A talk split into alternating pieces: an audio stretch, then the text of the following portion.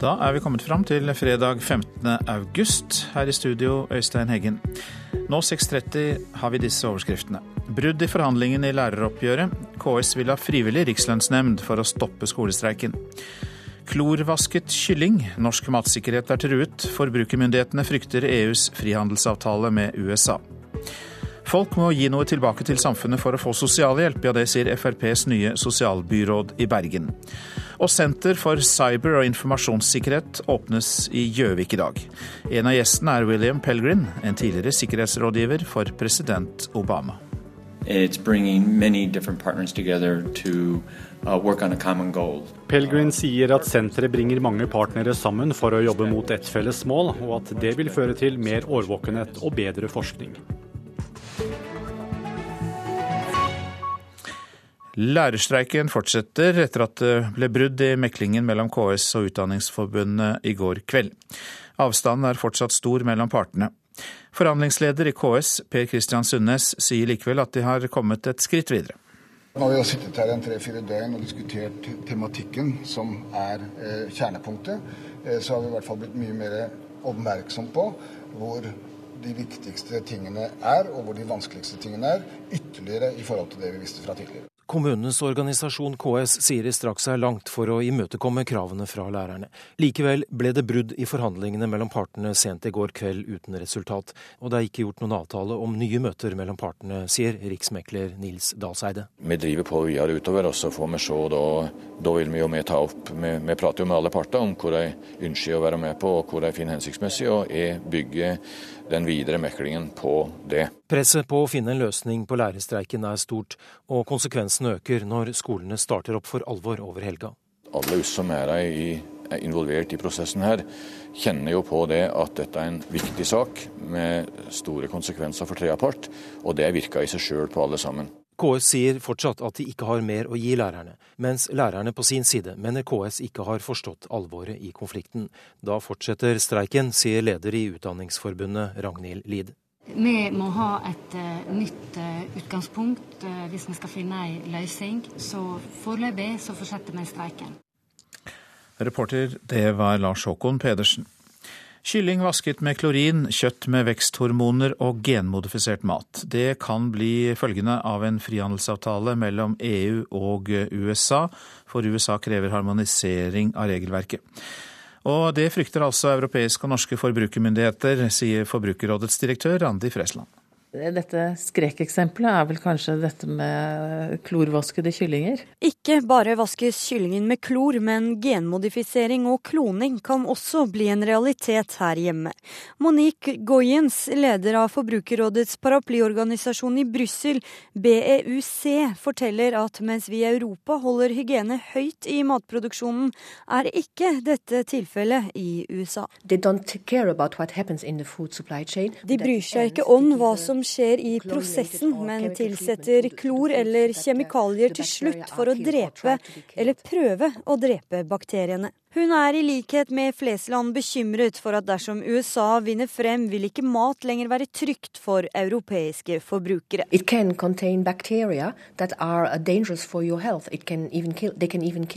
Maten kan inneholde bakterier som er helsefarlige og kan drepe.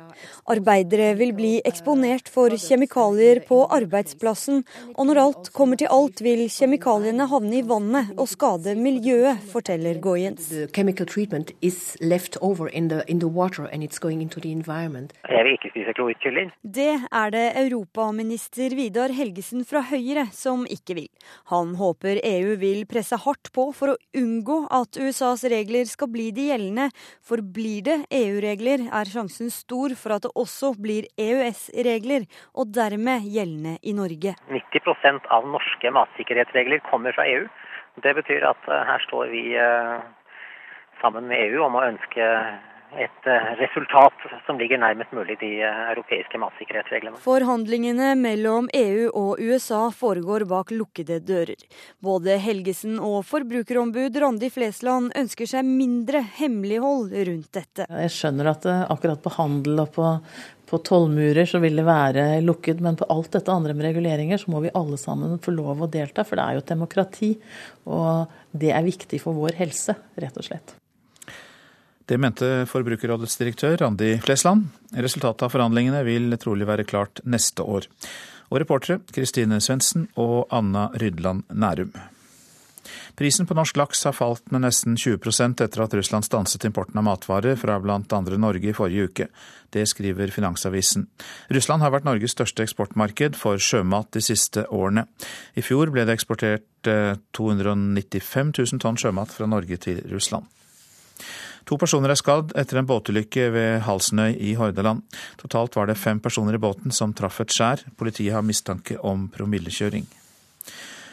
Til Irak. Statsminister Nuri al-Malikis avgang er et viktig steg i riktig retning. Det mener den amerikanske presidentens sikkerhetsrådgiver Susan Rice. Malikis parti fikk flest stemmer ved valget i april, men det har ikke vært enighet innad i partiet om hvem som skal lede landet videre. I forrige uke ba landets president Malikis partikollega Haidar al-Abadi om å danne regjering, men 64 år gamle Maliki nektet å gå av, helt til i går altså. De eh, som får sosialhjelp skal gi noe tilbake til samfunnet og jobbe hvis de kan. De sier Eiler Makodi Lund i Fremskrittspartiet. I går overtok han som sosialbyråd i Bergen, etter at KrF trakk seg fra byrådet før sommeren. Man skal ikke bare få sosialhjelp uten å yte noe tilbake til samfunnet. Man skal gjøre noe for å få sosialhjelp. Og Da vil vi samarbeide med Nav og med øremerkede bedrifter. Dette var den første programerklæringa til den nye sosialbyråden i går. Sosialklienter bør, hvis de kan, jobbe. Det vil jeg legge mer press på. Vi mener KrF eh, det virker som de la for lite press på det. Det er vanskelig å, eh, å vite helt hva han sikter til. Dag Inge Ulstein var sosialbyråd inntil KrF gikk ut av byrådet før sommeren. Han forstår ikke utspillet og kritikken til den påtroppende Frp-byråden.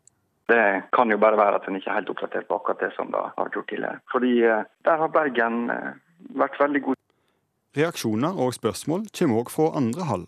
Mener varselet den nye sosialbyråden at de eh, som har det aller vanskeligst, som makter minst, at de ikke skal få penger til mat, at de skal redusere penger til husleia deres, eller hva er det han mener? Sier gruppeleder i SV, Odny Miljeteig. Styremedlem Wenche Berg Husebø ved Robin Hood-huset for økonomisk vanskeligstilte spør om sosialbyråden vil at folk med under 6000 kroner i måneden i sosialhjelp skal bli brukt som billig arbeidskraft.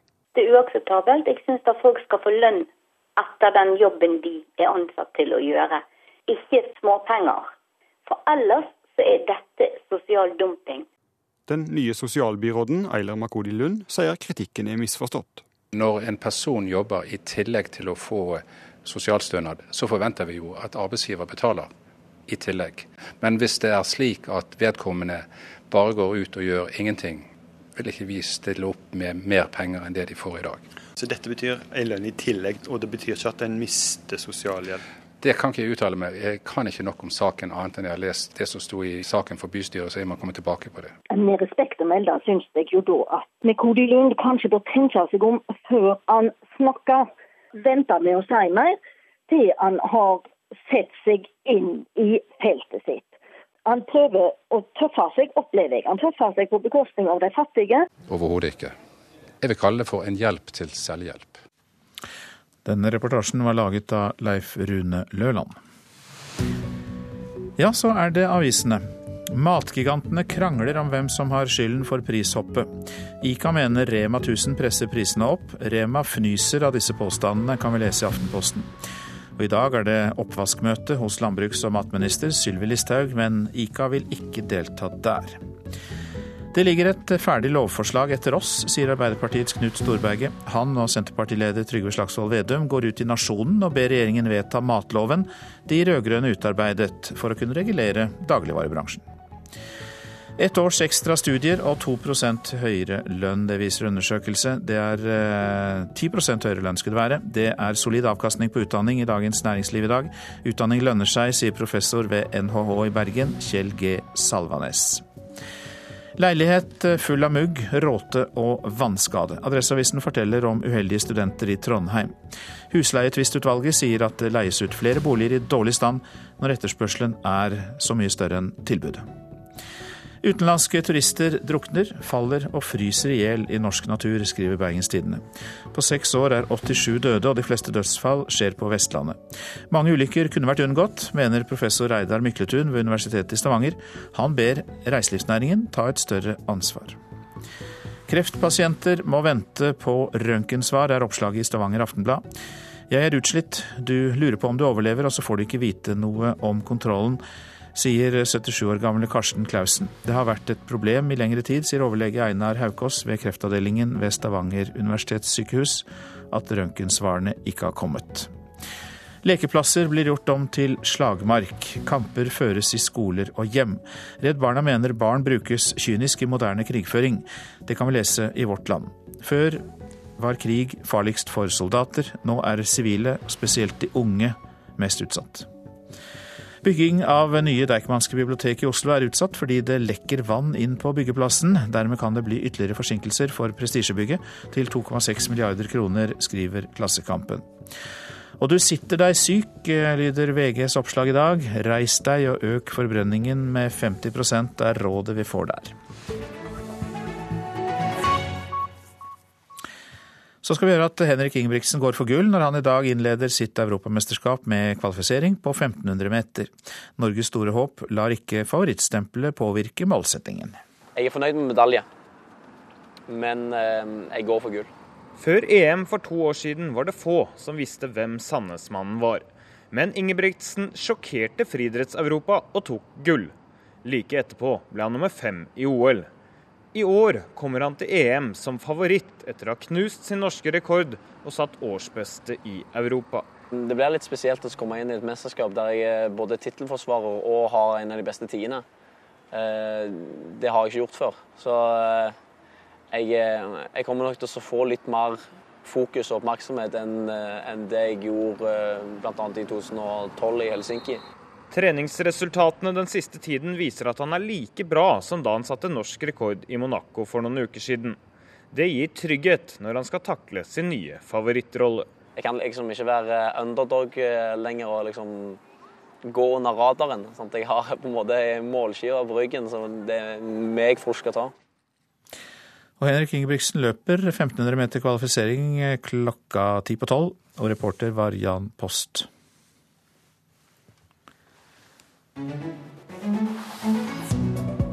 Klokka den er snart 6.43. Dette er hovedsaker i Nyhetsmorgen. Brudd i forhandlingene i læreroppgjøret. KS vil ha frivillig rikslønnsnemnd for å stoppe skolestreiken. Klorvasket kylling, norsk matsikkerhet truet. Forbrukermyndighetene frykter EUs frihandelsavtale med USA. Og vi skal høre at det har vært en knallsommer for norske festivaler. Først om at kampen mot datakriminalitet skal føres fra Gjøvik. For i dag åpnes Senter for cyber- og informasjonssikkerhet i Mjøsbyen. En av gjestene under åpningen er William Pelgrin, tidligere sikkerhetsrådgiver for USAs president Barack Obama. Senteret vil føre til mer årvåkenhet og informasjonssikkerhet, sier Pelgrin. It's bringing many different partners together to uh, work on a common goal. And by having so many disparate Pelgrin sier at senteret bringer mange partnere sammen for å jobbe mot ett felles mål, og at det vil føre til mer årvåkenhet og bedre forskning. En annen deltaker på konferansen er Joseph Kanatachi, som har vært rådgiver for Europarådet i spørsmål om datakriminalitet. By the launch of the center, Norway is showing that it has recognized the importance of synergy. Ved å opprette dette senteret har Norge vist at de har anerkjent betydningen av samspill for å håndtere en utfordring som datakriminalitet og informasjonssikkerhet, sier altså Kanatachi. Det nye senteret skal være på området til Høgskolen i Gjøvik. En av doktorgradsstudentene der er Yi Ching Liao fra Taiwan. Hun sier at politiet ofte sliter med å finne bevis. Maybe you need to trace where is the hacker is. So if you don't you don't have enough evidence to support that, then you will lose the case or something like that. Yes. Kanskje du trenger å finne ut hvor hackeren er, men hvis du ikke har nok bevis, vil du tape saken, sier hun. Det er et av spørsmålene som hennes doktorgrad tar opp. I årene framover vil det vise seg om senteret har ført til bedre informasjonssikkerhet for deg og meg. Sa reporter Dag Kessel. God morgen, Tone Hodde Bakkå. Bakkås. God morgen. Du fungerer som daglig leder av NorSIS, Norsk senter for informasjonssikring, og eh, du er med oss fra studio på Lillehammer. Ja, hvor stor skade kan kriminelle gjøre med et dataangrep? Det er stor kriminell aktivitet eh, blant eh, innen informasjonssikkerhet i dag, og de kan gjøre skade på f.eks. infrastrukturen vår. Vi er avhengig av, den kritiske digitale infrastrukturen, sånn som strøm, tele, vi har styringssystemer i oljeinstallasjoner, vann, kloakk, jernbane. Eh, og vi, i dag så har vi eh, IT i biler, pacemakere innen helse f.eks.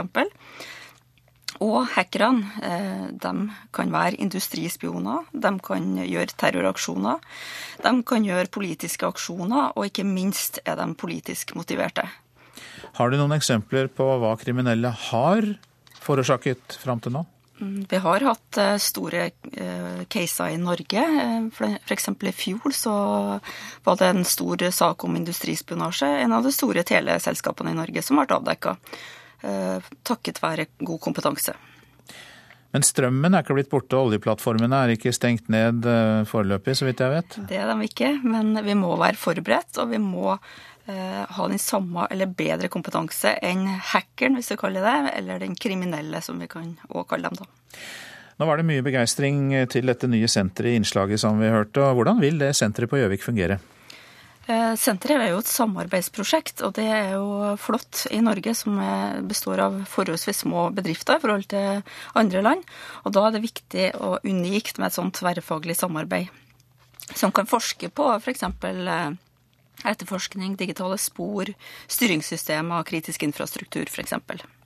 Så disse skal ikke gripe inn for å gjøre noe med problemet, men de skal forske på det og finne ut av hvor eh, problemet ligger? Ja, de skal forske på det og finne ut både hvor det ligger, men òg sånn at vi eh, klarer på sikt å bekjempe og dømme og forebygge cyberkriminalitet. La oss eh, titte inn i krystallkula. Hva tror du har vi om eh, noen år eh, klart å vinne denne kampen mot hackerne? Det vil i hvert fall med å styrke forskninga og styrke andre oppgaver og andre stillinger innen informasjonssikkerhet, så vil en ha evne til å møte og håndtere i hvert fall framtidens trus trusselbilde. Det blir i hvert fall styrka. For oss vanlige databrukere så svever jo dette over oss som et litt udefinert eh, problem. Eh, og jeg skjønner jo at dette senteret skal bidra, at dere bidrar der, eh, der du er leder. Men hva kan den enkelte forbruker eller databruker gjøre? Faktisk så alle potensielle mål. Vi har alle PC-er i dag, og nettbrett og mobiltelefoner. Alle arbeidsplasser, vil jeg påstå, er helt avhengig av PC-en sin eller digital informasjon. Eh, og da har du egentlig et samfunnsansvar å beskytte den der. For Norge eller verden er ikke sterkere enn det svakeste leddet. Så vi må sørge for å sikre PC-en vår. For det første ta sikkerhetskopi, sånn at vi tar vare på informasjonen vår. Men ikke minst oppdatere programmene vi har på. Sørge for å ha oppdatert antivirus. Da har du kommet veldig langt. Da fikk vi en oppfordring som gikk eh, rett hjem til oss alle. Tone Hodde Bakås, takk skal du ha. Du er altså da fungerende leder av NorSIS, Norsk senter for informasjonssikring i eh, Gjøvik. Ved NTNU kan du finne veien med en mobilapp. Universitetet i Trondheim ble i 2011 verdens første med innendørs navigasjon ved hjelp av mobiltelefon. Nå er denne appen utviklet videre og skal gi bevegelseshemmede en enklere hverdag. Thomas Gjelle har vært med å utvikle den. Her ser du tilgjengelighet, og da kan vi skru på den så er vi da en bruker som ikke skal få sti gjennom trapper f.eks. Hvis vi finner et sted vi kan gå nå, da, så kan den vise oss, vise oss veien? Ja, hvor ønsker vi å gå? Vi kan forsøke å søke opp et, eh, et kanskje et eh, rom inne i bygget her, auditorium L5, som er nabobygget her. Eh, og Da kan vi jo gå og prøve å følge ruta, se ja. hva som skjer. En ny app skal gjøre slutt på bomturer, omveier og utrygghet for rullestolbrukere og andre bevegelseshemmede på NTNU. Appen er utviklet i samarbeid med eiendomsavdelingen og MaceMap Trådløse Trondheim. Daglig leder i MaceMap, Thomas Gjelle, forteller at appen vil forbedre hverdagen til bevegelseshemmede. Den eh, fungerer på den måten at eh, du kan søke opp eh, det rommet eller den ressursen du skal til. Og så får du tegne en sti fra der du er og til dit du skal. Og hvis du da er bevegelseshemma, så kan du skru på en modus som sier jeg ønsker å få vist stier, som nettopp tar meg gjennom heiser og, og ja, plasser der det ikke er hindringer. Da. Derfor så var dette en naturlig videreutvikling for oss. Så det vil potensielt kunne lette hverdagen til de som er bevegelseshemma, markant. MaceMap-appen har flere tusen brukere hver eneste dag. Noen av de som bruker appen flittig, er studentene Truls Brubakk, Sindre Maurseth og Cecilia Bindal.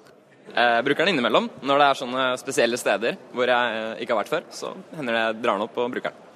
Jeg syns den fungerer eh, ganske bra. Den eh, har enkelte mangler, men eh, jevnt over så vil jeg si den er veldig god. Ja, den funker fint når ikke du har, har noe som helst speiling på hvor du skal hen. Ja, den har jeg brukt ganske mange ganger. Spesielt med de små rommene som, med rare navn som jeg ikke har peiling på hvor har vært. Selv om appen er videreutviklet, er den ikke tilrettelagt for alle helt ennå. Blinde og svaksynte gjenstår fortsatt. Der ønsker vi å legge ned en, en innsats i tida framover. Hvordan er det dere skal løse det, da?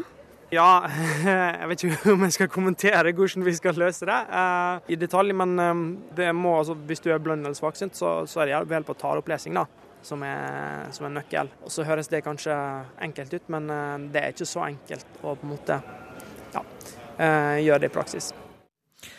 Ja, det var Thomas Gjelle, daglig leder i MaceMap, som fortalte hva de jobber videre med, og Evelyn Therese Berg-Hansen var reporter, da.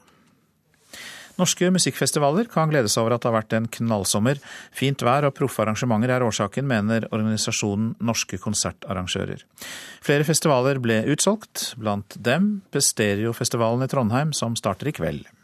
Eh, vi er utsolgt. Eh, har vel strengt tatt vært utsolgt for de beste billettene i over en uke. Og de aller siste fredagspassene de gikk for tre dager siden. Og Det er første gang vi har vært utsolgt dager før festivalen åpnet. Det forteller Nils Heldal, sjef for Stereofestivalen.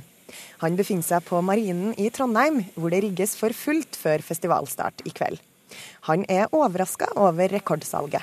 Her er det mange mennesker som har veldig Hva skal vi si? De er litt seine i avtrekkeren. Og nå har de da bevist at eh, de ikke er det, så det er vi veldig glad for. Men det er ikke bare i Trøndelag festivalpublikummet har vært ekstra ivrig i år. Flere store musikkfestivaler rapporterer om en knallsommer. Norwegian Wood, hvor bl.a. Kent spilte, gikk endelig i pluss, etter flere år med underskudd.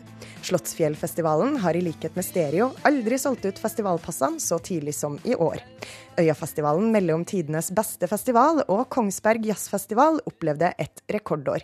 Vårt inntrykk er at det har gått veldig veldig bra i år. Eh, vi har hatt en festivalsommer som har hatt eh, et nydelig vær eh, i hele landet, for en gangs skyld. Så det har vært varmt, og det har vært solfylt, og det har vært lett å arrangere utendørsarrangementer.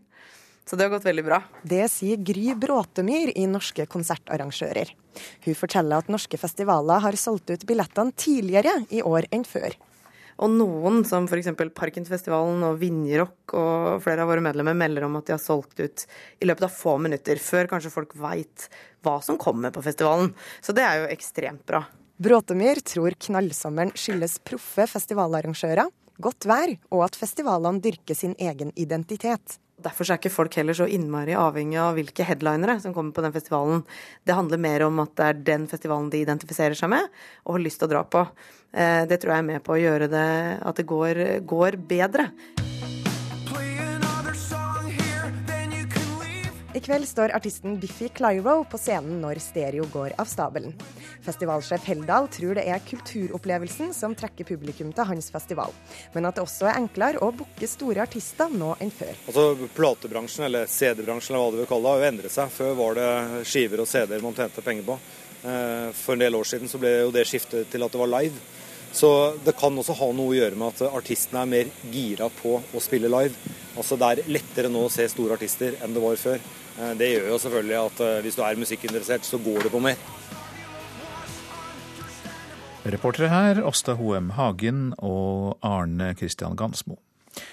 Ballettalentet Amelie Skutle får likevel begynne på ballettskolen hun drømte om. Tidligere sa Bærum kommune nei til å betale de ekstra skolepengene for tolvåringen, men eh, nå tar Oslo kommune regningen.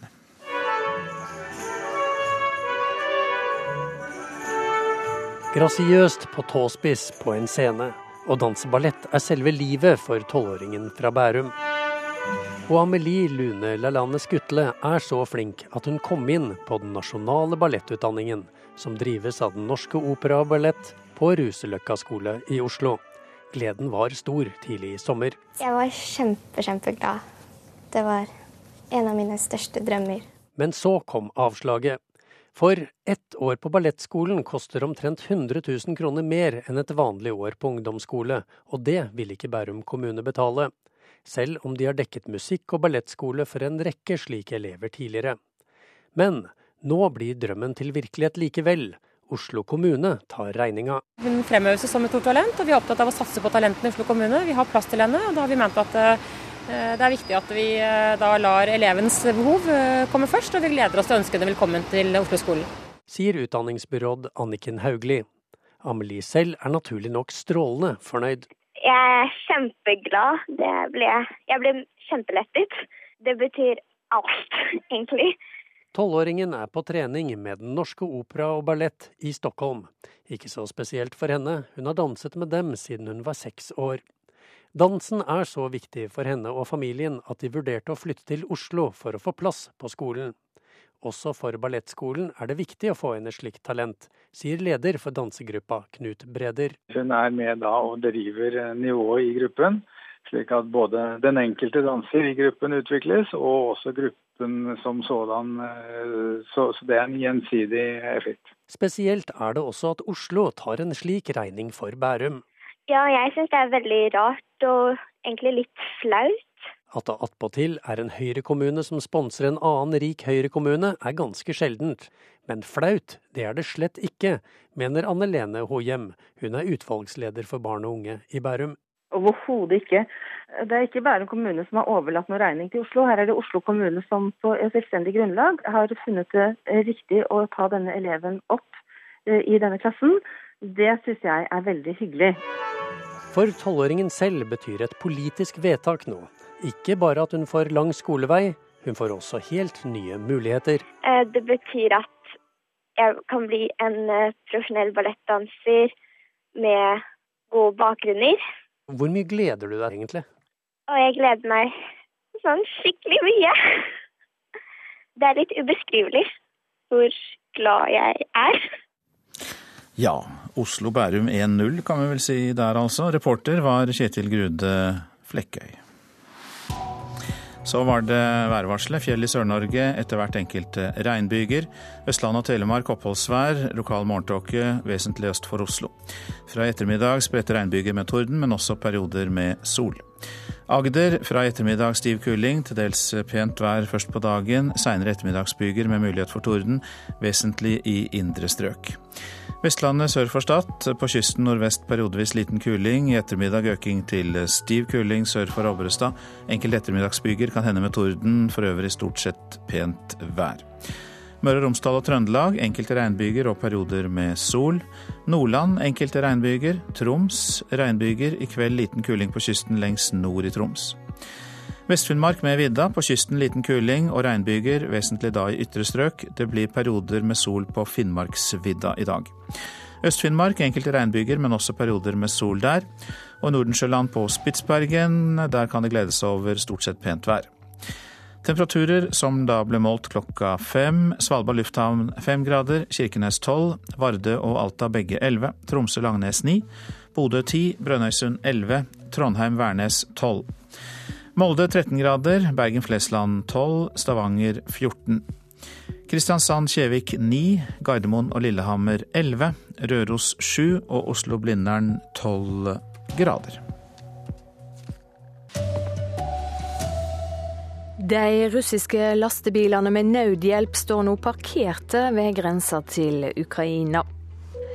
Og styresmaktene vil forby private å kjøpe ingredienser som kan brukes til bomber. Her er NRK Dagsnytt klokka sju. Den russiske lastebilkolonna med humanitær hjelp til Øst-Ukraina står altså parkert ved den ukrainske grensa. Samtidig skriver den britiske avisa The Guardian at 23 russiske panservogner som følger med kolonna, har kryssa over grensa. Denne delen av Øst-Ukraina er kontrollert av prorussiske opprørere. Meldingen om at russiske panservogner har reist inn i Øst-Ukraina, blir foreløpig ikke bekreftet av andre kilder. Men avisen The Guardians journalist er i området, og han så selv de pansrede personellkjøretøyene kjøre inn gjennom et hull i grensegjerdet. Imens står 280 russiske lastebiler med nødhjelp i det samme området, men fire-fem mil fra grensen. Det er full strid om hvordan nødhjelpen skal distribueres. Den ukrainske regjeringen krever at Den internasjonale Røde Kors-komiteen må stå for utdelingen. Reporter Anette Groth. Norske styresmakter vil gjøre det forbudt for privatpersoner å få tak i kjemikalier og andre stoff som kan brukes til å lage bomber.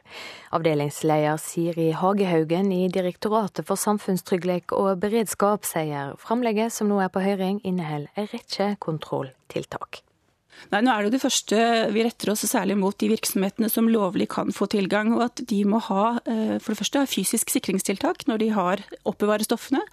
Så er det dette med at vi ønsker oversikt over eh, disse produktene i det norske markedet.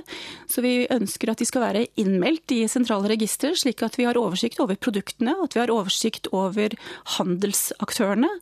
Og så krever vi at handelsaktørene igjen skal kjenne sine, kunder. Eh, at de må føre en oversikt over hvem de selger til.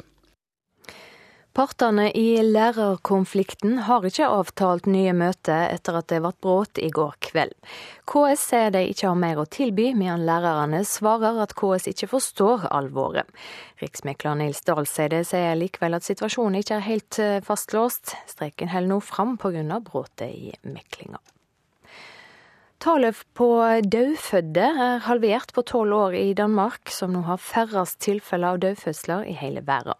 Hovedårsaken til nedgangen fra 140 til 75 er at fødslene blir satt i gang tidligere nå enn for ti år siden, det skriver Politikken. Danske gravide blir også grundigere undersøkt med tanke på alvorlig sykdom hos fosteret. NRK Dagsnytt, Silje Sande.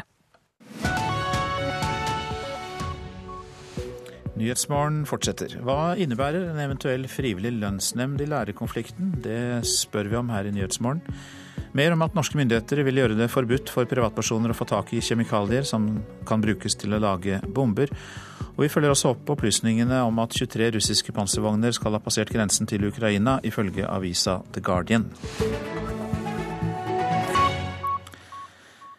Ja, kommunene og KS eh, foreslår frivillig rikslønnsnemnd for å løse konflikten mellom lærerne og kommunene.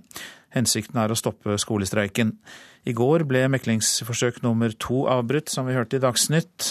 KS-direktør Per Kristian Sundnes sier at ingenting skal være uprøvd. Det vi har tilbudt partene og fremført i meklingen, er eh, at vi er villige til å inngi oss en behandling i en frivillig nemnd. Det er det Rikslønnsnemnda som pleier å bistå partene med i en slik situasjon som er oppstått nå.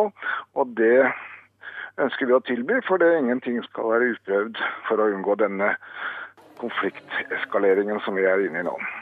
I går sa alle lærerne nei takk til å prate mer med KS om en løsning i skolekonflikten. Det sa Utdanningsforbundets leder Ragnhild Lid. Det betyr at vi fortsetter å streike. Riksmekler Nils Dalseide har prøvd å få partene enige denne uken. I går var det slutt etter tolv timers resultatløs mekling. Nei, det er rett og slett det at eh, eh avstanden ikke har krympa.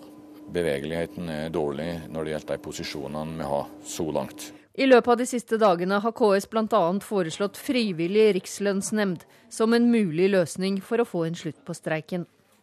Rundt 70 ganger siden midten av forrige århundre har arbeidsgivere og ansatte latt Rikslønnsnemnda avgjøre konflikter. I dette tilfellet betyr det at ni personer avgjør striden med bindende virkning for arbeidsgiverne i KS og de fire lærerorganisasjonene. Men lærerne sa nei til rikslønnsnemnd også, sier KS-direktør Per Kristian Sundnes. Vi har ikke fått positiv respons på det, nei. Og det synes ikke lederen i Kristelig Folkeparti er rart. Jeg kan nok forstå dette. Eh, det er partene som fullt og skal styre dette. Men jeg forstår at lærerorganisasjonene er nødt til å ha noe konkret, holdfast, som de kan vise at de har fått på plass i disse forhandlingene, før lærerne kan si ja, det forstår jeg. Sier Knut Arild Hareide. Han får støtte av partitopp Trine Skei Grande i Venstre. Ja, Det forstår jeg godt. Og jeg hadde håpa at KS hadde tatt mer alvoret innover seg, når vi så hvor stor prosentandel av lærerne som sa nei til det tilbudet som var forhandla fram. Men hva syns du om det at KS kommer med dette forslaget om en eh, frivillig lønnsnemnd? Eh, jeg skal ikke komme med noen karakteristikk av det, og jeg skal ikke bryte inn i forhold til de forhandlingene som pågår. Jeg håper bare at KS får med seg de signalene som skjer i debatten på Stortinget i dag, med både at man ønsker mer fleksibilitet i forhold til arbeidstid, og at man vil ha eh, gjenreist respekten for læreryrket. Det er i hvert fall to klare politiske signaler som kommer fra Venstre. Statsministeren vil ikke kommentere KS-innspillet om rikslønnsnemnd, men Erna Solberg sier jeg har ingen kommentarer til, til, eh, den forhandlingsdelen mellom partene. Men håper du det blir en rikslønnsnemnd? Jeg håper det finnes en løsning mellom partene. Det er viktig. Reportere her Hedvig Bjørgum og Astrid Randen. Bård Jordfall, god morgen til deg. Du er forsker ved forskningsstiftelsen Fafo. Og hvordan vil du vurdere hvor realistisk det er å bruke frivillig rikslønnsnemnd i en konflikt som dette? Nei, det er jo sånn at eh, For at en nemnd først å si at den være frivillig, så må den også være frivillig fra begge parter. Og her er det klart at lærerorganisasjonene eh, er litt avventende på det. Altså, det har noe sammenheng med at det, Rikslønnsnemnda i sin karakter vil legge seg ganske forsiktig. Det vil si at den sist inngåtte avtalen vil legges til grunn. Og det er nok det som eh, var meklingsmanns forslag i våres, som Utdanningsforbundets medlemmer stemte ned. Sånn sett er det, det at, at, KS foreslår det, så er det nok det at det er, da vil nok skal si deres eh, syn vinne frem. Hvor vanlig er det at man går til frivillig rikslønnsnemnd? Altså, sist vi hadde det, var når politi, eller unnskyld, Unio altså, og bl.a. Eh, de Unio-organiserte i staten i 2012 ba om frivillig nemnd. Eh, og hvis du ser altså nemndas avgjørelse da, så, så, var ikke det akkurat sånn heldig for Unio sin del. Altså de, de kjørte konservativt. Og det er sånn at det, man skal ikke presse for mye inn, inn, i en nemnd og kanskje kunne oppnå noe mer enn de foregående som har gått skal si, forhandlingsløpet den vanlige veien. Mm. Hva er så det viktigste hinderet for en løsning eh, her vi står nå? Ja, nei, altså, jeg jo, hørte på nyhetene i går, så var det sånn at eh, lærerorganisasjonene de sier at steiner må flyttes, mens eh, KS sier at vi har løftet på alle steiner. og det er klart at det, dette gjelder særlig altså Utdanningsforbundet, som har et veldig trangt mandat. altså De har blitt stemt ned av sine egne medlemmer. De har en veldig liten eh, bevegelsesgrunn. og de må også legge dette ut på uravstemning til medlemmene. Men det er klart at Utdanningsforbundet har et særdeles lite spillerom i, i disse sonderingssamtalene eller eh, drøftingene som har skjedd hos meklingsmannen. Da går det nærmest til en utmattelsessituasjon. Da, at eh, det kommer en storstreik, og så holder man på en stund, og så blir man så utmattet av det og presset fra ja, foreldre og elever og alt, og samfunnet for øvrig blir så stort at noe må skje? Ja, altså det, det, ser litt sånn ut nå at man eskalerer konflikten. Altså Hvis vi ikke har noen løsning eh, i løpet av helga eh, eller i begynnelsen av neste uke, så vil vi nok antageligvis se en ganske kraftig opptrapping av streikeuttaket. Og Da er jo spørsmålet om, at, eh, om man da tar ut skal si, barneskolelærerne. Fram til nå har man også kun tatt ut ungdomsskole og videregående skole. Um, kan du driste deg til å si hvem som bærer det største ansvaret her? Nei, Det er vanskelig. Altså, ansvaret hviler på alle partners skuldre her.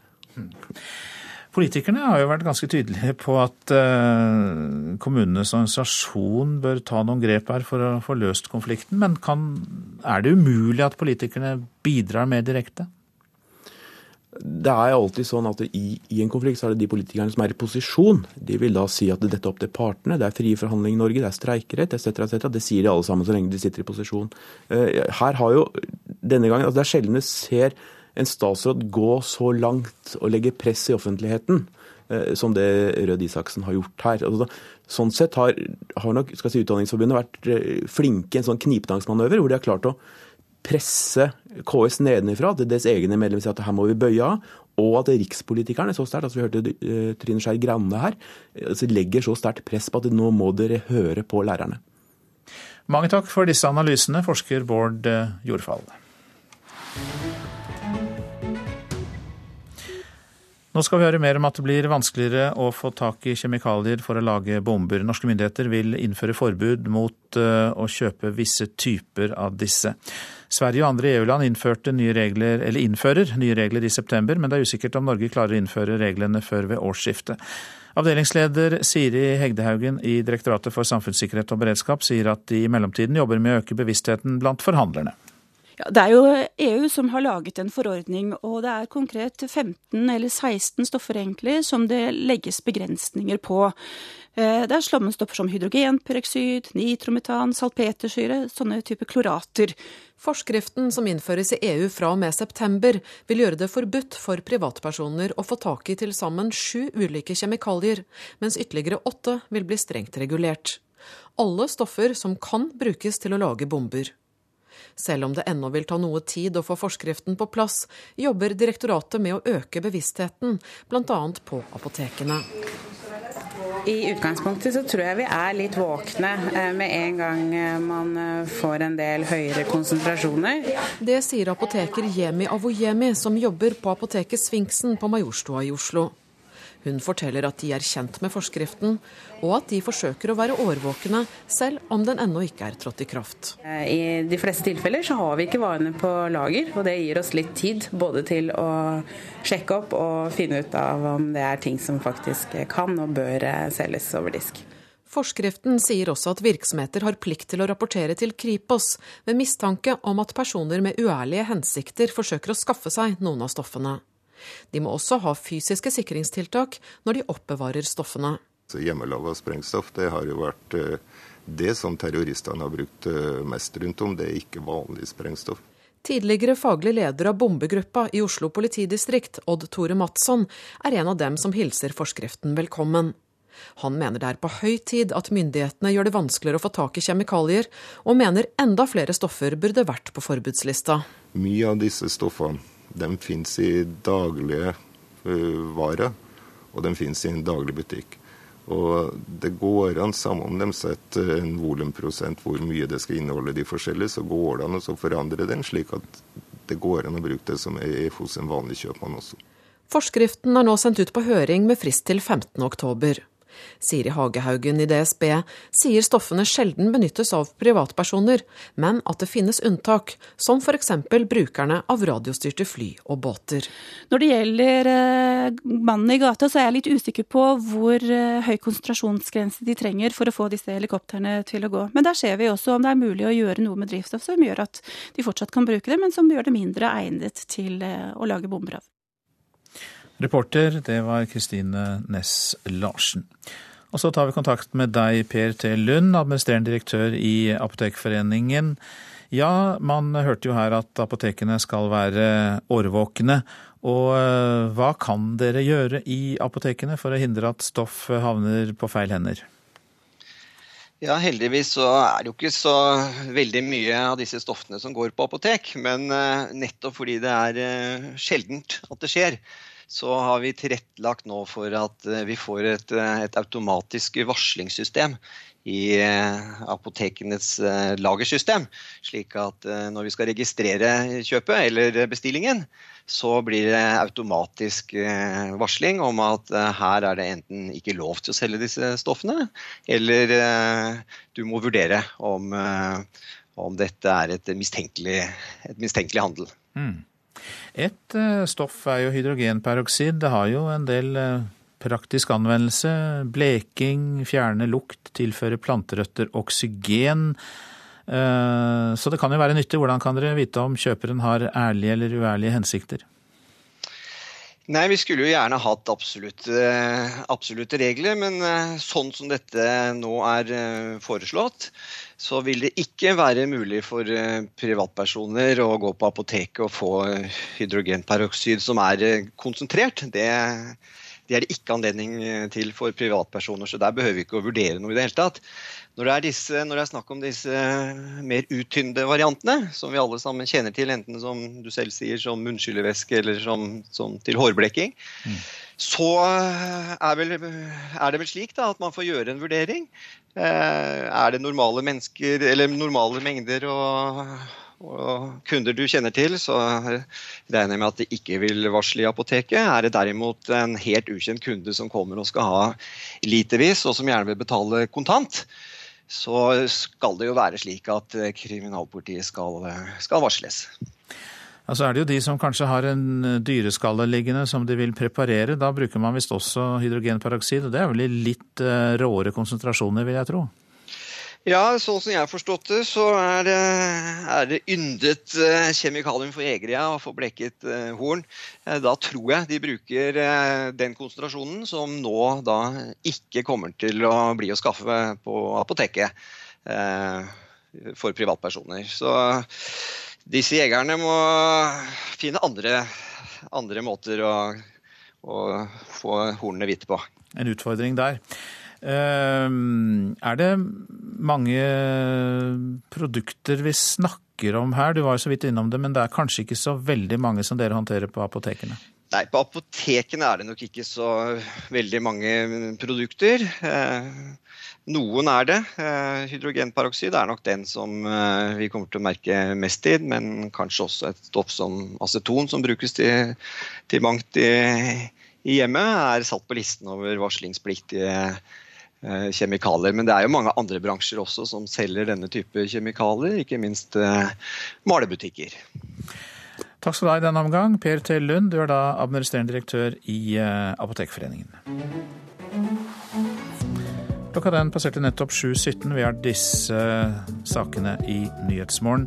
Det skal altså bli vanskeligere å få tak i råstoff til å lage bomber, som vi hørte. Norske myndigheter vil innføre forbud mot kjøp av visse typer kjemikalier. KS vil ha frivillig rikslønnsnemnd for å stoppe skolestreiken. Det er lite realistisk, sa Bård Jordfall ved forskningsstiftelsen Fafo her i Nyhetsmorgen nettopp. Og 23 russiske panservogner skal ha passert grensen til Ukraina. Det skriver i hvert fall avisa The Guardian. Vi skal ha mer om situasjonen i Ukraina snart. Men først eh, går vi til Irak. Eh, statsminister Nuri al-Maliki sier nå at han går av. Det skjer etter at han over lengre tid har nektet å gi slipp på makten.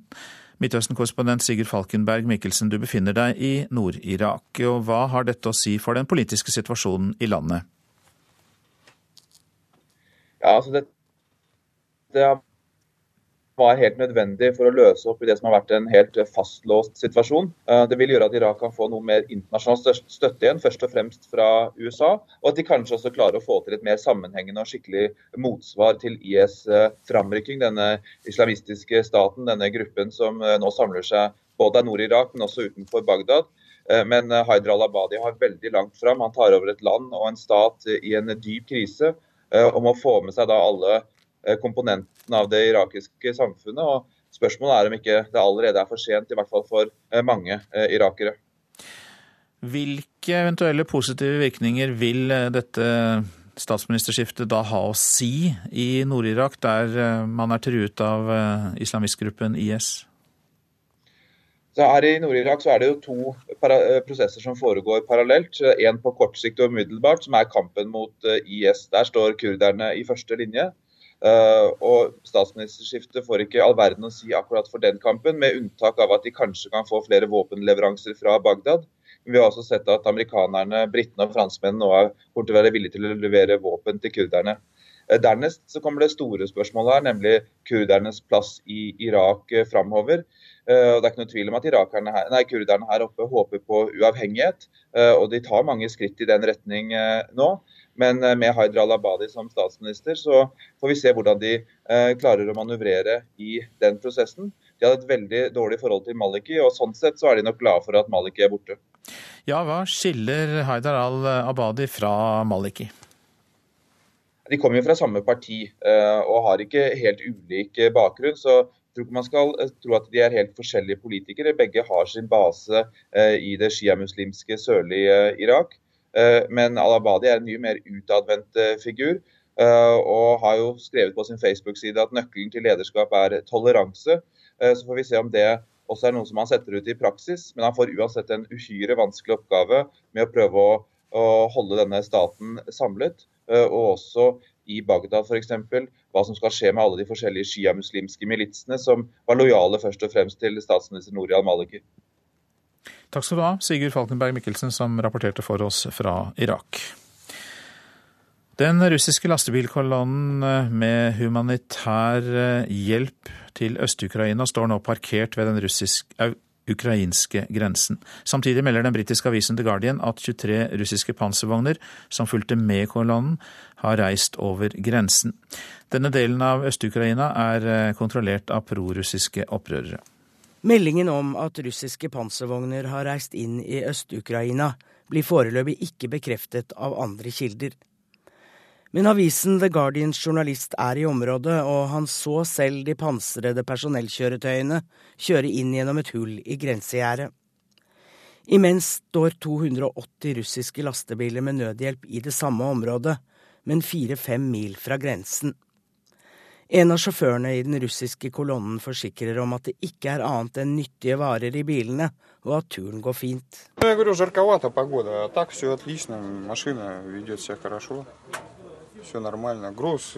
Vi har vann, mel, soveposer og en rekke andre varer. Min bil er full av kondensert melk, sier Ivan Nikolajev, som er en av lastebilsjåførene i den russiske nødhjelpskolonnen. Det er full strid om hvordan nødhjelpen skal distribueres. Den ukrainske regjeringen krever at Den internasjonale Røde Kors-komiteen må stå for utdelingen. De vil også at lastebilene skal inspiseres av dem selv og av Organisasjonen for sikkerhet og samarbeid i Europa, OSSE. Men verken OSSE eller Røde Kors vil blande seg før Russland og Ukraina er blitt enige. I går kveld snakket Ukrainas utenriksminister med sin russiske kollega om nødhjelpkolonnens videre skjebne, men det er ikke klart om det kom noe ut av disse samtalene. Imens ruller flere og flere ukrainske stridsvogner inn i byer som har vært kontrollert av de russiske opprørerne. Men innbyggerne der går en usikker fremtid i møte. Som i byen Uglegorsk, der mesteparten ligger i ruiner. Hva gjør vi nå, sier en fortvilt mann som kommer tilbake til hjemmet sitt. Ikke tak, ingen vinduer, og vinteren nærmer seg. Han er bare en av de mange i Øst-Ukraina som trenger nødhjelp. Reporter, det var Anette Groth. USA har stanset en leveranse av raketter til Israel, sier de vil skjerpe kontrollen med alt våpensalg til landet, ifølge avisen Wall Street Journal. Så da er denne beslutningen et tegn på amerikanernes misnøye med den siste militæroffensiven Israel har hatt mot Gazastripen. Ebolautbruddet er verre enn man tidligere har trodd, det sier Verdens helseorganisasjon. Det offisielle tallet på personer som har dødd av epidemien er 1069, men helsearbeidere i området sier det er mye som tyder på at disse tallene grovt undervurderer omfanget av ebolautbruddet. WHO varsler nå en massiv opptrapping i bekjempelsen av ebola. Sju væpnede opprørere er drept i angrep sørvest i Pakistan. Opprørerne skal ha prøvd å komme seg inn på en militærbase, men mislyktes. Ingen har tatt på seg ansvaret for angrepet, men Taliban blir mistenkt etter å ha kommet med trusler den siste tiden. Så ser vi på det avisene har på sine dagsordener i dag. Matgigantene krangler om hvem som har skylden for prishoppet. Ica mener Rema 1000 presser prisene opp. Rema frys, fnyser av påstandene. Det kan vi lese i Aftenposten. I dag er det oppvaskmøte hos landbruks- og matminister Sylvi Listhaug, men ICA vil ikke delta. Det ligger et ferdig lovforslag etter oss, sier Arbeiderpartiets Knut Storberget. Han og Senterpartileder Trygve Slagsvold Vedum går ut i Nasjonen i dag og ber regjeringen vedta matloven de rød-grønne utarbeidet, for å kunne regulere dagligvarebransjen. Et års ekstra studier og 10% høyere lønn, viser undersøkelse. Det er solid avkastning på utdanning, dagens, skriver Dagens Næringsliv. Utdanning lønner seg, sier professor ved NHH i Bergen, Kjell G. Salvanes. Leilighet full av mugg, råte og vannskader. Adresseavisen forteller om to uheldige studenter i Trondheim. Husleietvistutvalget i byen sier det leies ut flere boliger i dårlig stand nå når etterspørselen er større enn tilbudet. Utenlandske turister drukner, de faller og de fryser i hjel i norsk natur, skriver Bergens Tidende. På seks år er 87 døde, og de fleste dødsfall skjer på Vestlandet. Mange ulykker kunne vært unngått, mener professor Reidar Mykletun ved Universitetet i Stavanger. Han ber reiselivsnæringen ta et større ansvar. Kreftpasienter må vente på røntgensvar, er oppslaget i Stavanger Aftenblad. Jeg er utslitt. Du lurer på om du overlever, og så får du ikke vite noe om resultatene på kontrollen, sier 77 år gamle Karsten Clausen.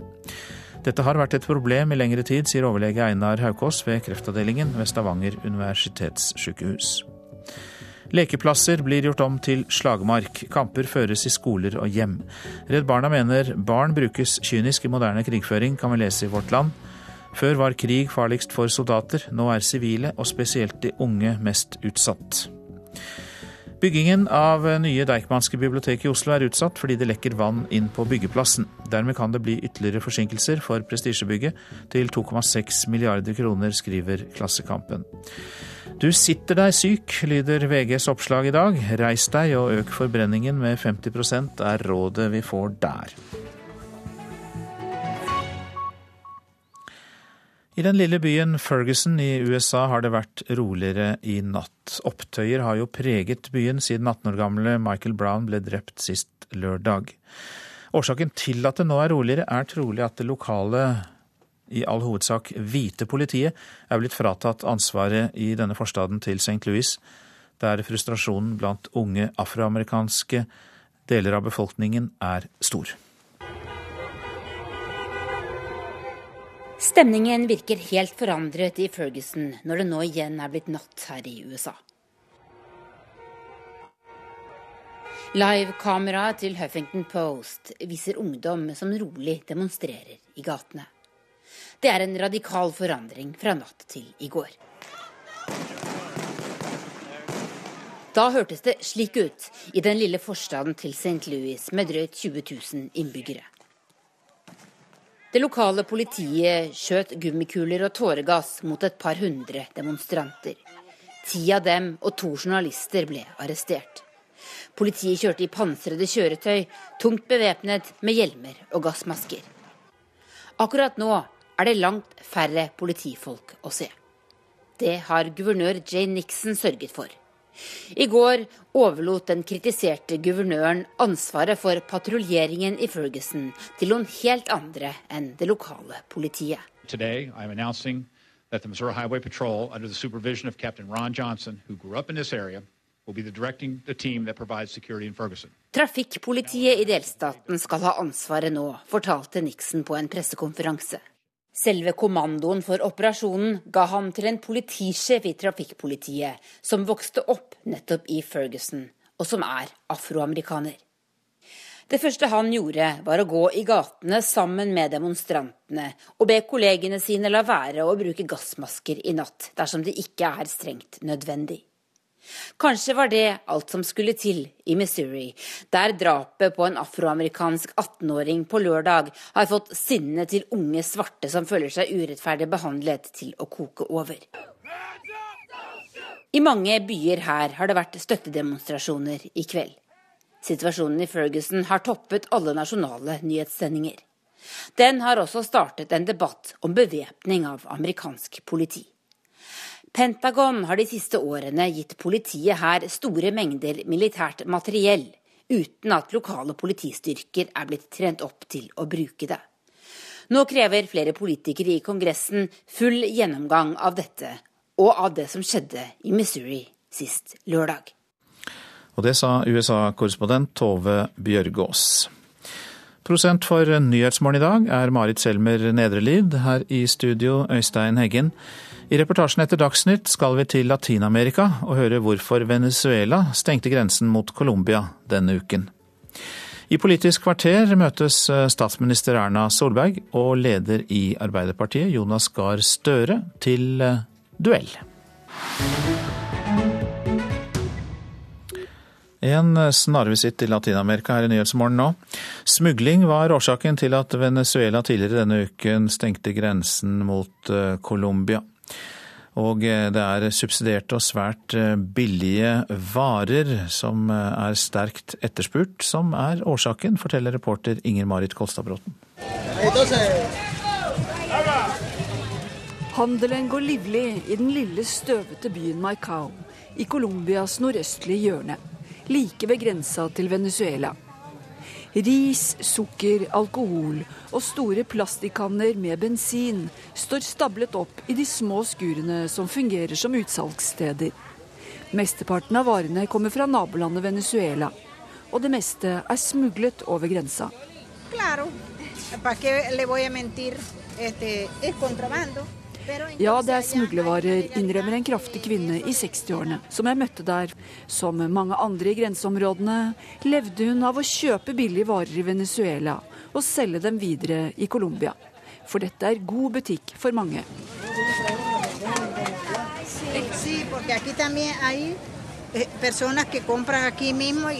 Eh. Hun forteller at de fleste som kjøper av henne, også videreselger varene. Årsaken er enkel. Venezuela har verdens billigste bensin pga. sterk subsidiering. Bensinen koster rundt 12 øre literen. Det betyr at det er billigere å fylle tanken på bilen enn å kjøpe en flaske vann. Og det er mer lukrativt å selge melk enn kokain i grenseområdene, innrømmet Venezuelas president Nicolás Maduro nylig. Hele 40% av landets subsidierte varer blir smuglet til nabolandet Colombia, ifølge myndighetene. Det vil de nå ha slutt på. Denne uka stengte de derfor grensa på natta, i samarbeid med colombianske myndigheter, og utplasserte flere tusen soldater for å prøve å stoppe smuglinga. Vi innfører dette til det beste for folket, sier lederen av operasjonen, general Vladimir Padrino Lopez. Subsidieringa skulle sikre de fattigste mat på bordet og billig transport. Men de lave prisene har altså gjort varene attraktive på smuglermarkedet. Og det har ofte vært mangel på viktige matvarer i butikkene i Venezuela. I februar eksploderte misnøyen i voldsomme opptøyer i det politisk svært splittede landet, og flere titalls mennesker ble drept. En av årsakene til opptøyene var nettopp matmangelen. Også næringslivet både i Venezuela og deler av Colombia lider pga. subsidieringa, fordi de ikke klarer å konkurrere med de billige varene. Den statlige TV-kanalen i Venezuela forteller om varene myndighetene har beslaglagt etter at offensiven mot smuglinga startet. 30 kg Flere tonn med kjøtt, kylling og matolje ble funnet gjemt i biler og vogntog, forteller sjefen for antismuglingskampanjen. Men ikke alle jubler over myndighetenes offensiv og de stengte grensene. Det får store konsekvenser for meg. Jeg kom hit fordi datteren min skulle på sykehuset, og jeg har ingen steder å overnatte, forteller Alberto Riveros. Han må vente hele natta ved grensebroa før han kan dra hjem igjen. Slik er situasjonen for mange i grenseområdene. Noen bor i ett land og jobber i det andre. Handel og trafikk har foregått over disse porøse grensene i årevis. Men spørsmålet er om nattestengte grenseoverganger vil ha noen som helst effekt på smuglinga. For både grensevakter og toppsjefer anklages for selv å tjene gode penger på smuglinga. Hovedsaker i nyhetene i dag. KS vil ha frivillig rikslønnsnemnd for å stoppe skolestreiken, men lærerorganisasjonene nekter, og det går mot storstreik fra mandag. Det skal bli vanskeligere å få tak i råstoff til å lage bomber. Norske myndigheter innfører forbud mot å kjøpe visse typer kjemikalier. Norsk matsikkerhet er truet, mener forbrukermyndighetene. Frykter nye regler etter EUs frihandelsavtale med USA, som det nå forhandles om. Så er det klart for Politisk kvarter, programleder i Arendal, Per Arne Bjerke.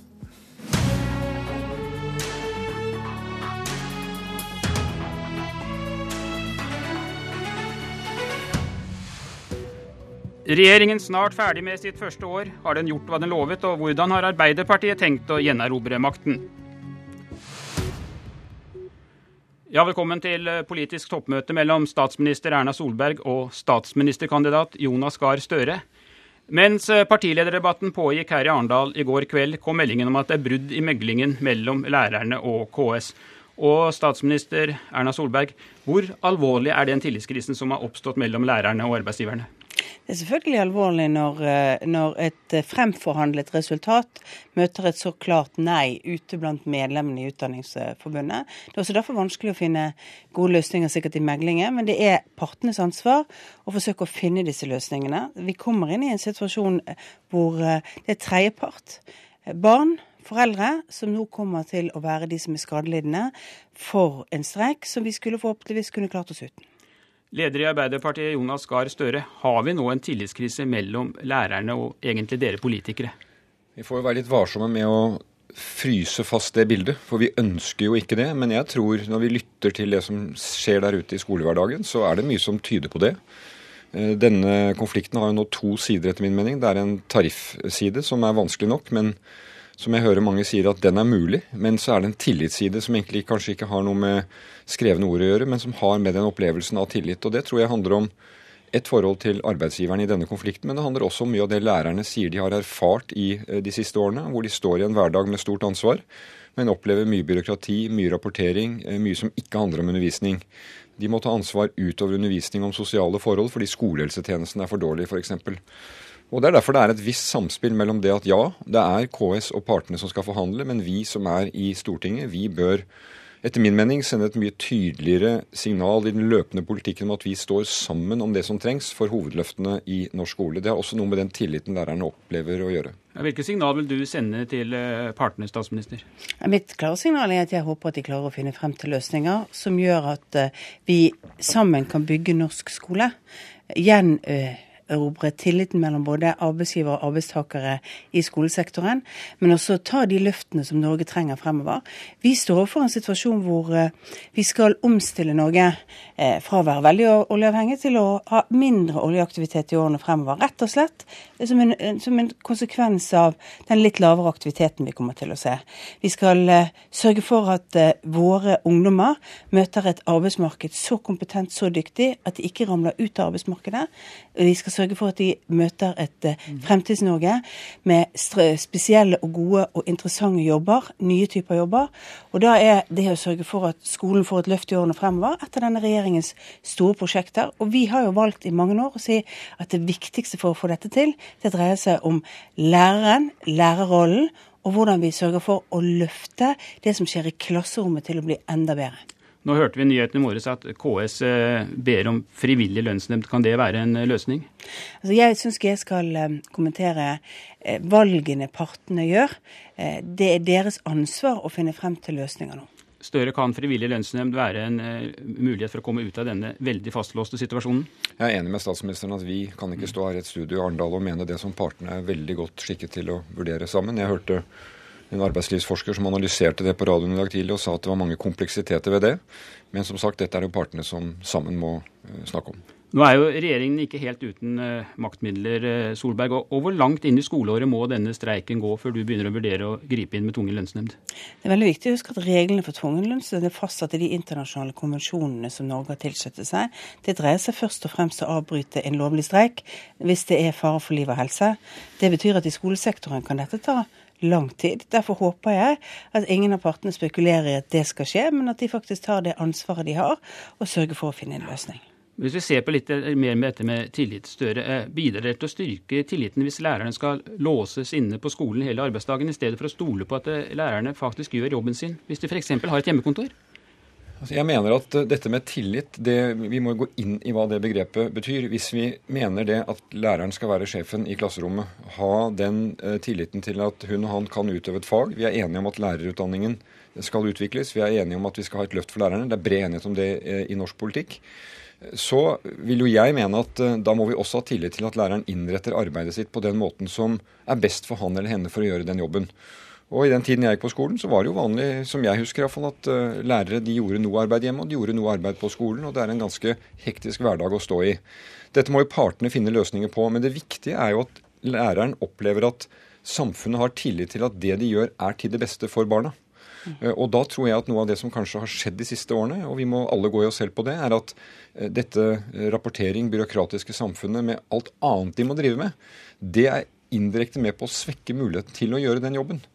Eh, og det syns jeg at jeg får når jeg lytter til lærere ute i, i skolehverdagen. Og det, det, må vi ta med oss etter at denne konflikten er over, eh, og, og se om det er noe i det nasjonale opplegg rundt skolen som bør eh, gjøres bedre for å gjenopprette den autoriteten og den tilliten læreren skal ha. Ja, statsminister, Et av dine store politiske prosjekt både som opposisjonsleder og som statsminister har jo vært å styrke lærernes stilling. Føler du at denne konflikten nå gjør det mye vanskeligere for deg å nå dette målet? Ja, Helt praktisk så betyr den jo at mange flere elever ikke kommer til å starte undervisningen denne uken og neste uke som eh, ville vært en god start på året, med gode arbeidsmetoder og annet. Men jeg har lyst til å si en ting. Det er veldig viktig at vi har respekt for den pedagogiske friheten og kompetansen til lærerne. Det er noe av det som har ligget som et kjernepunkt i Høyres politikk.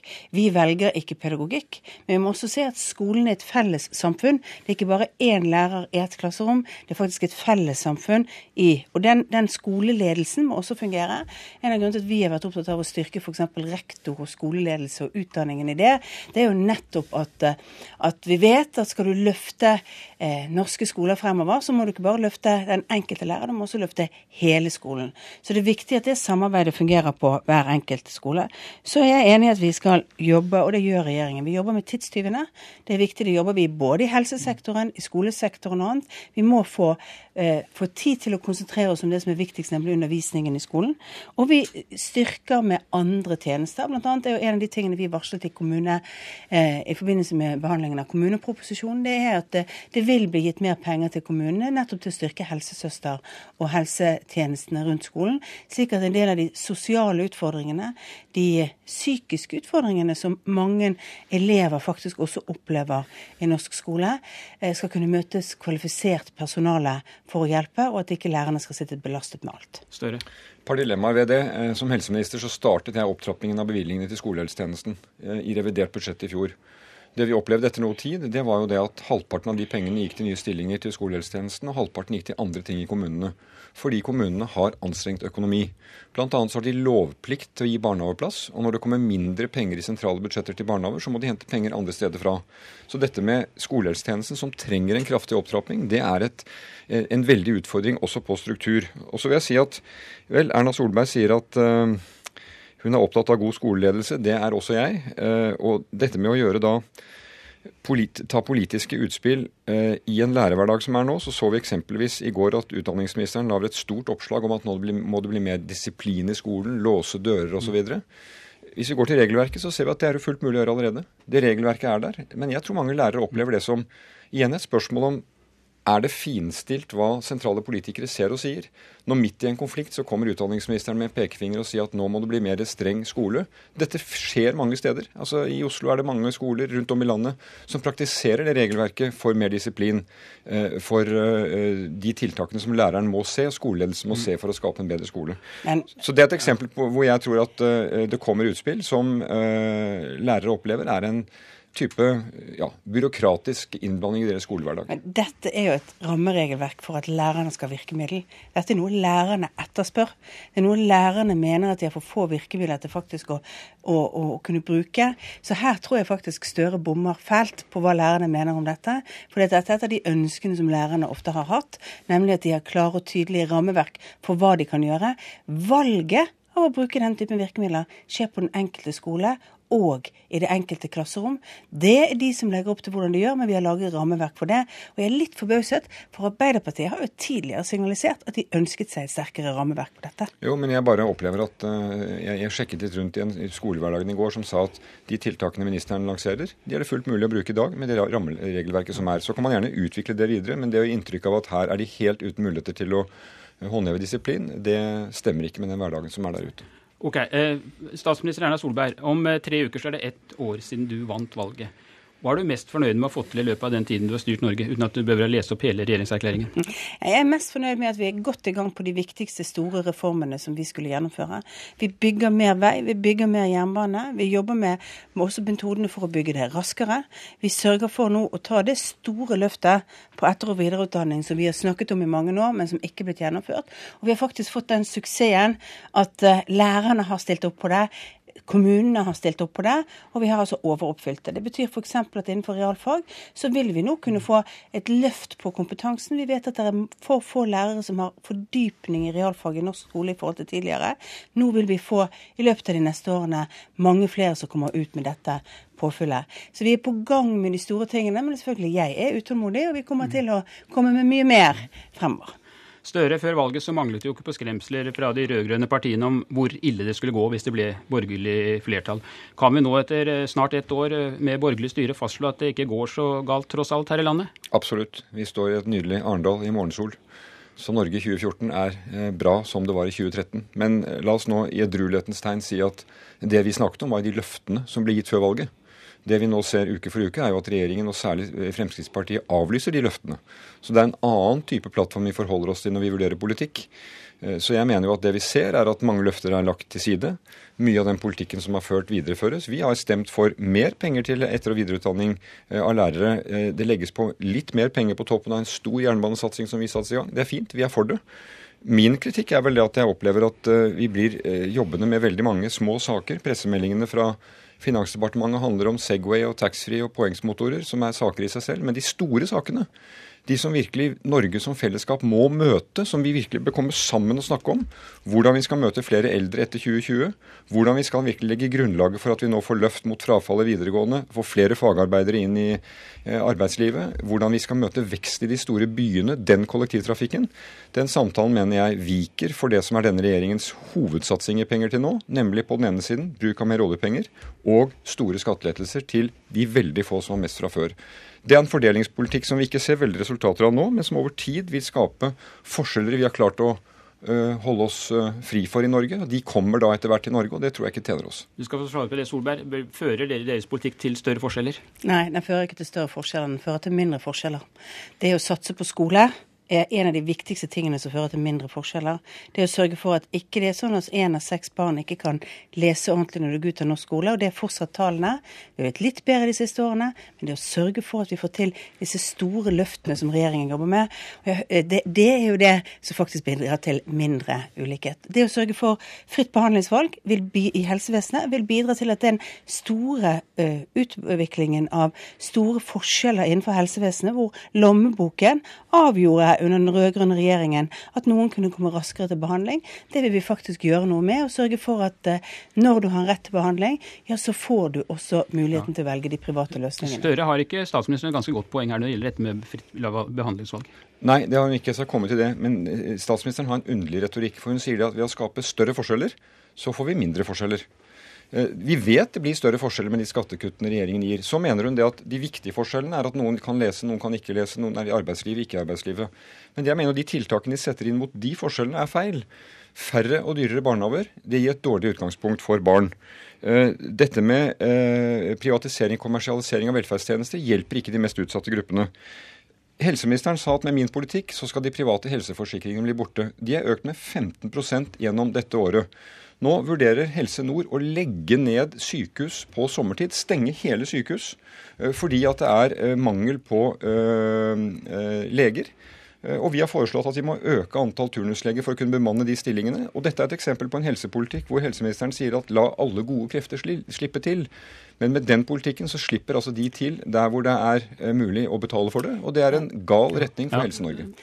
Den største forskjellen i Norge dreier seg om du står innenfor eller utenfor arbeidsmarkedet. Det tror jeg alle de undersøkelsene som er gjort i Norge av hva som er årsakene til forskjeller. Det som er største årsaken til fattigdom i Norge, det er rus, det er psykisk helsevern, det er også innvandring, altså de nyinnkomne innvandrerne. Er altså på, hvis du skal gjøre noe med ulikhet i Norge, så er det på de områdene du må gjøre det. Denne debatten om skatt det er en debatt om en liten flik av et spørsmål om ulikhet. Den store spørsmålet er det vi tar tak i.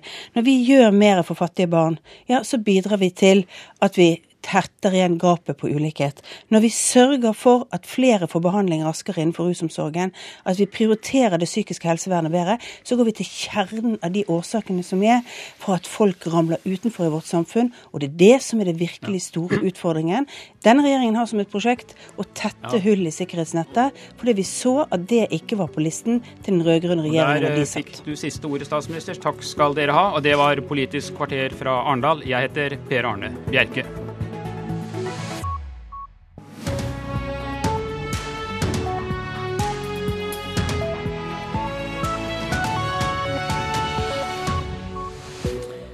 Nyhetsmorgen klokka 8.30 har disse overskriftene. Forhandlingsbruddet i lærerkonflikten er alvorlig, sier statsminister Erna Solberg. Norsk matsikkerhet trues av frihandelsavtale mellom EU og USA. Det sier Forbrukerrådet. Og ebolautbrudd i Vest-Afrika verre enn tidligere antatt. Kommunene og KS kom denne uka med forslag om frivillig rikslønnsnemnd for å løse konflikten med lærerne. I går ble møtet hos Riksmekleren avbrutt fordi Utdanningsforbundet ikke mente det var grunnlag for å fortsette. Det vi har tilbudt partene og fremført i meklingen, er eh, at vi er villige til å inngi oss en behandling i en frivillig nemnd. Det er det Rikslønnsnemnda som pleier å bistå partene med. I går sa alle lærerne nei takk til å prate mer med KS om en løsning i skolekonflikten. Det sa Utdanningsforbundets leder Ragnhild Lid. Det betyr at vi fortsetter å streike. Riksmekler Nils Dalseide har prøvd å få partene enige denne uken. I går var det slutt etter tolv timers resultatløs mekling. Nei, det er rett og slett det at eh, eh avstanden ikke har krympa. Bevegeligheten er dårlig. I løpet av de siste dagene har KS bl.a. foreslått frivillig rikslønnsnemnd som en mulig løsning for å få en slutt på streiken. I dette tilfellet betyr det at ni personer avgjør striden med bindende virkning for arbeidsgiverne i KS og de fire lærerorganisasjonene. Men lærerne sa nei til rikslønnsnemnd også, sier KS-direktør Per Christian Sundnes. De har ikke fått positiv respons på det, nei. Og det synes ikke lederen i Kristelig Folkeparti er rart. Jeg kan nok forstå dette sier Knut Arild Hareide. Han får støtte av partitopp Trine Skei Grande i Venstre. Jeg skal ikke bryte inn i forhold til de forhandlingene som pågår. Jeg håper bare at KS får med seg de signalene som eh, skjer i debatten på Stortinget i dag. Med både at man ønsker mer fleksibilitet i forhold til arbeidstid, og at man vil ha eh, gjenreist respekten for læreryrket. Reportere her Hedvig Bjørgum og Astrid Randen. Og Fafo-forsker Bård Jordfall sier dette om årsaken til at lærerorganisasjonene er skeptiske til å gå med på frivillig rikslønnsnemnd. Lærerorganisasjonene er litt avventende på det. Altså, det har noe sammenheng med at Rikslønnsnemnda i sin karakter vil legge seg ganske forsiktig. Det vil si at den sist inngåtte avtalen vil legges til grunn. Og det er nok det som eh, var meklingsmanns forslag i våres, som Utdanningsforbundets medlemmer stemte ned sånn sett, eh, at KS foreslår det, så er det nok det at det er, da vil nok skal si deres eh, syn vinne frem. Man skal ikke presse for mye inn, inn, i en nemnd og kanskje kunne oppnå noe mer enn de foregående som har gått skal si, forhandlingsløpet den vanlige veien. Mm. Hva er så det viktigste hinderet for en løsning eh, her vi står nå? Lærerorganisasjonene de sier at steiner må flyttes, mens KS sier at vi har løftet på alle steiner. Og det er klart at det, dette gjelder særlig altså Utdanningsforbundet, som har et veldig trangt mandat. altså De har blitt stemt ned av sine egne medlemmer.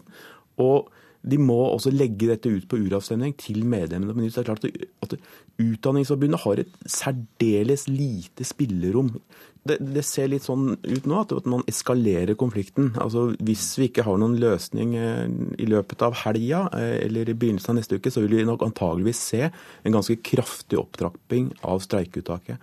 Og Da er jo spørsmålet om, at, eh, om man da tar ut skal si, barneskolelærerne. Fram til nå har man også kun tatt ut ungdomsskole og videregående skole. Politikerne har jo vært ganske tydelige på at uh, kommunenes organisasjon bør ta noen grep her for å få løst konflikten. Men kan, er det umulig at politikerne bidrar mer direkte? Det er alltid sånn at i, i, en konflikt så er det de politikerne som er i posisjon. De vil da si at dette er opp til partene. Det er frie forhandlinger i Norge, det er streikerett etc. etc. Det sier de alle sammen så lenge de sitter i posisjon. Uh, her har jo denne gangen, altså Det er sjelden du ser en statsråd gå så langt og legge press i offentligheten eh, som det Rød Isaksen har gjort her. Altså, sånn sett har, har nok si, Utdanningsforbundet vært eh, flinke i en sånn knipetangsmanøver, hvor de har klart å presse KS nedenifra, til deres egne medlemmer sier at her må vi bøye av. Og at rikspolitikerne så sterkt, altså vi hørte uh, Trine Skei Grande her, altså legger så sterkt press på at nå må dere høre på lærerne. Fafo-forsker Bård Jordfall. Ja, Spørsmålet mange stiller er hvor lenge lærerstreiken kommer til å vare. Statsminister Erna Solberg sier elever og foreldre nå kan bli skadelidende, og kaller forhandlingsbruddet alvorlig. Det er selvfølgelig alvorlig når, eh, når, et eh, fremforhandlet resultat møter et så klart nei ute blant medlemmene i Utdanningsforbundet. Det er også derfor vanskelig å finne gode løsninger sikkert i meglinger, men det er partenes ansvar å forsøke å finne disse løsningene. Vi kommer inn i en situasjon hvor det er tredjepart. Barn, foreldre, som nå kommer til å være de som er skadelidende for en streik som vi skulle forhåpentligvis kunne klart oss uten. Det sier statsminister Erna Solberg. Sammen med Ap-leder Jonas Gahr Støre er hun uroa for den pågående konflikten mellom lærerne og arbeidsgiverne. Støre mener forhandlingsbruddet kan tyde på et tillitsbrudd mellom lærere og politikere. Men jeg tror når vi lytter til det som skjer der ute i skolehverdagen, så er det mye som tyder på det. Eh, denne konflikten har jo nå to sider, etter min mening. Det er en tariffside som er vanskelig nok, men som jeg hører mange sier at den er mulig. Men så er det en tillitsside som egentlig kanskje ikke har noe med skrevne ord å gjøre, men som har med den opplevelsen av tillit. Og det tror jeg handler om et forhold til arbeidsgiverne i denne konflikten, men det handler også om mye av det lærerne sier de har erfart i eh, de siste årene, hvor de står i en hverdag med stort ansvar, men opplever mye byråkrati, mye rapportering, eh, mye som ikke handler om undervisning. Støre mener det er politikernes rolle å finne løsninger som fører til at lærerne føler seg som lærere, og at de ikke er overlessa med byråkratiske arbeidsoppgaver. Men det viktige er jo at læreren opplever at samfunnet har tillit til at det de gjør er til det beste for barna. Eh, og da tror jeg at noe av det som kanskje har skjedd de siste årene, og vi må alle gå i oss selv på det, er at eh, dette rapportering, byråkratiske samfunnet med alt annet de må drive med, det er indirekte med på å svekke muligheten til å gjøre den jobben. Eh, og det syns jeg at jeg får når jeg lytter til lærere ute i, i skolehverdagen. Og det, det, må vi ta med oss etter at denne konflikten er over, eh, og, og se om det er noe i det nasjonale opplegget rundt skolen som bør eh, gjøres bedre for å gjenopprette den autoriteten og den tilliten læreren skal ha. Ja. Erna Solberg er på si side opptatt av at forhandlingene tar til igjen så snart som mulig, og at løsningene partene kommer fram til er til det beste for Norges framtid. Vi står overfor en situasjon hvor eh, vi skal omstille Norge eh, fra å være veldig oljeavhengig til å ha mindre oljeaktivitet i årene fremover. Rett og slett som en, som en konsekvens av den litt lavere aktiviteten vi kommer til å se. Vi skal eh, sørge for at våre ungdommer møter et arbeidsmarked så kompetent, så dyktig, at de ikke ramler ut av arbeidsmarkedet. Vi skal sørge for at de møter et Fremtids-Norge med spesielle og gode og interessante jobber, nye typer jobber. Og da er det å sørge for at skolen får et løft i årene fremover, et av denne regjeringens store prosjekter. Og vi har jo valgt i mange år å si at det viktigste for å få dette til, det dreier seg om læreren, lærerrollen, og hvordan vi sørger for å løfte det som skjer i klasserommet til å bli enda bedre. Kommunene og KS kom denne veka med forslag om å nytte seg av frivillig lønnsnemnd for å løse konflikten med lærerne. Men verken Solberg eller Støre vil uttale seg om de mener at det er en god løsning. Statsministeren mener også at det skal en del til før regjeringa nytter seg av et streikeverktøy de har, nemlig tvungen lønnsnemnd. Det er veldig viktig å huske at reglene for tvungen lønnsnemnd er fastsatt i de internasjonale konvensjonene som Norge har tilsluttet seg. Det dreier seg først og fremst å avbryte en lovlig streik hvis det er fare for liv og helse. Det betyr at i skolesektoren kan dette ta lang tid. Derfor håper jeg at ingen av partene spekulerer i at det skal skje, men at de faktisk tar det ansvaret de har, og sørger for å finne en løsning. Og statsministeren og Arbeiderpartilederen møttes i Politisk kvarter. Reportere det var Vegard Kjørom og Per Arne Bjerke.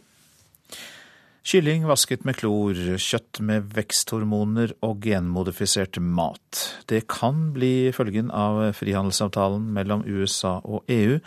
Regler for matproduksjon skal harmoniseres, og USA presser hardt på for å overføre sine liberale regler til Europa. Derfor frykter europeiske og norske forbrukermyndigheter for matsikkerheten, sier Forbrukerrådets direktør Randi Flesland. Dette skrekeksempelet er vel kanskje dette med klorvaskede kyllinger? Ikke bare vaskes kyllingen med klor, men genmodifisering og kloning kan også bli en realitet her hjemme. Monique Goyens, leder av Forbrukerrådets paraplyorganisasjon i Brussel, BEUC, forteller at mens vi i Europa holder hygiene høyt i matproduksjonen, er ikke dette tilfellet i USA. Hun forteller at Istedenfor å sørge for renslighet hele veien, vaskes kyllingen med klor til slutt, for å drepe eller prøve å drepe eventuelle bakterier. Hun sier at dersom USA vinner frem og deres regler blir gjeldende i EU, vil det være til fare for forbrukere, arbeidere og miljøet. Flesland mener også at eh, USAs regler vil svekke matsikkerheten. Svært mye av dette vi er opptatt av, er jo reglene vesentlig bedre i EU. Og da er det vesentlig for norske forbrukere at forbrukervernet ikke svekkes. Europaminister Vidar Helgesen fra Høyre sier han ikke ønsker klorvasket kylling i Norge. Det betyr at eh, her står vi eh, sammen med EU om å ønske et eh, resultat som ligger nærmest mulig de eh, europeiske matsikkerhetsreglene. Reportere her, det var Anna Rydland Nærum og Kristine Svendsen. Ebolautbruddet i Vest-Afrika er langt verre enn det de offisielle tallene på døde og smittede tyder på. Det advarer Verdens helseorganisasjon. Offisielle tall sier at over 1000 mennesker har dødd av viruset hittil, og nesten like mange er smittet. I am declaring the current outbreak of Ebola virus disease a public health emergency of international concern. Slik lød det for en uke siden. Sjefen for Verdens helseorganisasjon, WHO, sa da at ebolaepidemien er en internasjonal helsekrise.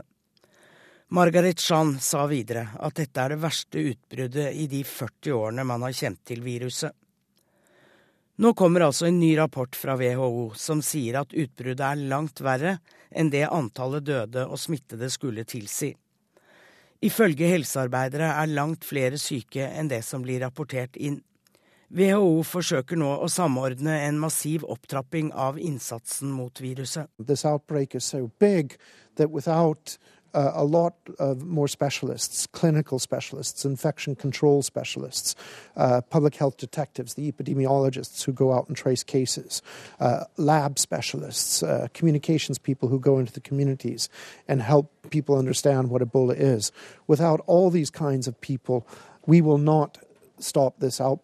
Denne epidemien er så omfattende at vi trenger langt flere folk, alle typer spesialister. Det sier Gregory Hartle, talsmann for WHO. Uten langt flere fagfolk klarer ikke Verdens helseorganisasjon å stoppe dette utbruddet. Ebolaepidemien startet i Guinea i februar og har spredt seg til Liberia, Sierra Leone og Nigeria. Og det var Anette Groth som rapporterte der. Vi holder oss i Afrika, Den sentralafrikanske republikk. Der pågår det nemlig forhandlinger om en ny regjering. Mahamat Kamoun ble utnevnt til statsminister forrige søndag, etter at den tidligere statsministeren trakk seg. Og Afrika-korrespondent Sverre Tom Radøy, hva blir de viktigste utfordringene for den nye statsministeren? Nei, Dette er jo et land i full oppløsning, så selv sier han at alle viktige grupperinger nå skal med. Både den muslimske og den kristne militsen, pluss alle andre som var med på disse forhandlingene som førte til en forholdsvis oppsiktsvekkende våpenhvilen i slutten av juli. Og siden i fjor så er jo eh, flere tusen mennesker drept da i eh, dette sammenbruddet som du beskriver, og rundt en million mennesker drevet på flukt. Hva er bakgrunnen? Ja, Når du sier en million drevet på flukt, så, så det eh, virker det langt flere enn det tallet skulle tilsi. For dette landet består jo bare av fem millioner mennesker. Så mellom en fjerdedel og en femtedel av landets befolkning rømmer nå fra sine hjem. Dette landet er stjerneeksempelet på en stat som er blitt utplyndret, vanstyrt i over 100 år. Frankrike tok landet på 1800-tallet, delte det opp, solgte det til uh, europeiske firmaer som dyrket tobakk og kaffe og, og, bomull der. Og så kom jo denne karnevalsfiguren Bocassa da, etter uh, frigjøringen i, ut på 1960-tallet, inspirert av Napoleon. Uh, men landet fant uran og diamanter, så Frankrike holdt en slags beskyttende hånd over denne gale mannen før han endte sine dager med et knippe av yndlingskonene i Frankrike.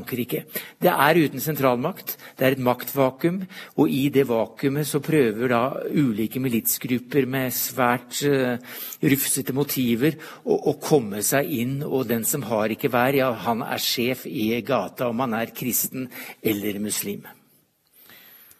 Dette høres ut som en formidabel oppgave for den nye statsministeren. Kan du si litt mer om Mahamat Kamoun?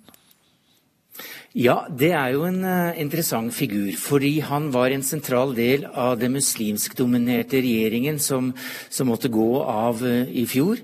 Uh, han var også da en viktig rådgiver for den kristne etterfølgeren. Så begge leire er nå for så vidt skeptiske, og kanskje er det godt nytt. Men observatører her i, i, Afrika de sier at han til nød representerer et, et svakt lys i enden av en lang, lang tunnel. I et land som altså for få år siden guidebøkene mente at det var dit man skulle reise hvis man skulle oppleve det ekte Afrika. Takk for den oppdateringen om Den sentralafrikanske republikk, Afrikakorrespondent Sverre Tom Radøy. Klokka har nettopp passert kvart på ni. Vi har disse hovedsakene. Forhandlingsbrudd i lærerkonflikten, det er alvorlig, sier statsminister Erna Solberg. Norsk matsikkerhet truet av frihandelsavtale med EU og USA, frykter Forbrukerrådet. Og ebolautbruddet i Vest-Afrika verre enn tidligere antatt. Det skal bli vanskeligere å få tak i råstoff for å lage bomber. Norske myndigheter vil innføre forbud mot kjøp av visse typer kjemikalier. Sverige og andre EU-land innfører reglene i september allerede, men det er usikkert om Norge klarer det innen årsskiftet. Avdelingsleder Siri Hagerhaugen i Direktoratet for samfunnssikkerhet og beredskap sier at de i mellomtiden jobber med å øke bevisstheten blant forhandlerne det er noen stoffer som kan brukes til å lage bomber, som nå blir forbudt for privatpersoner. Siri Hagehaugen i DSB sier forskriften vil gjøre det forbudt for privatpersoner å få tak i sju ulike kjemikalier, mens ytterligere åtte vil bli strengt regulert. Selv om det ennå vil ta noe tid å få forskriften på plass, jobber direktoratet med å øke bevisstheten, bl.a. på apotekene.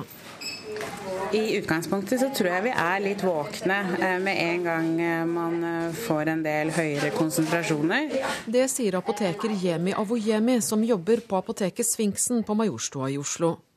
Hun forteller at de er kjent med forskriften, og at de forsøker å være årvåkne, selv om den ennå ikke er trådt i kraft. Eh, I de fleste tilfeller så har vi ikke varene på lager, og det gir oss litt tid både til å sjekke opp og finne ut av om det er ting som faktisk kan og bør eh, selges over disk. Forskriften sier også at virksomheter har plikt til å rapportere til Kripos ved mistanke om at personer med uærlige hensikter forsøker å skaffe seg noen av stoffene.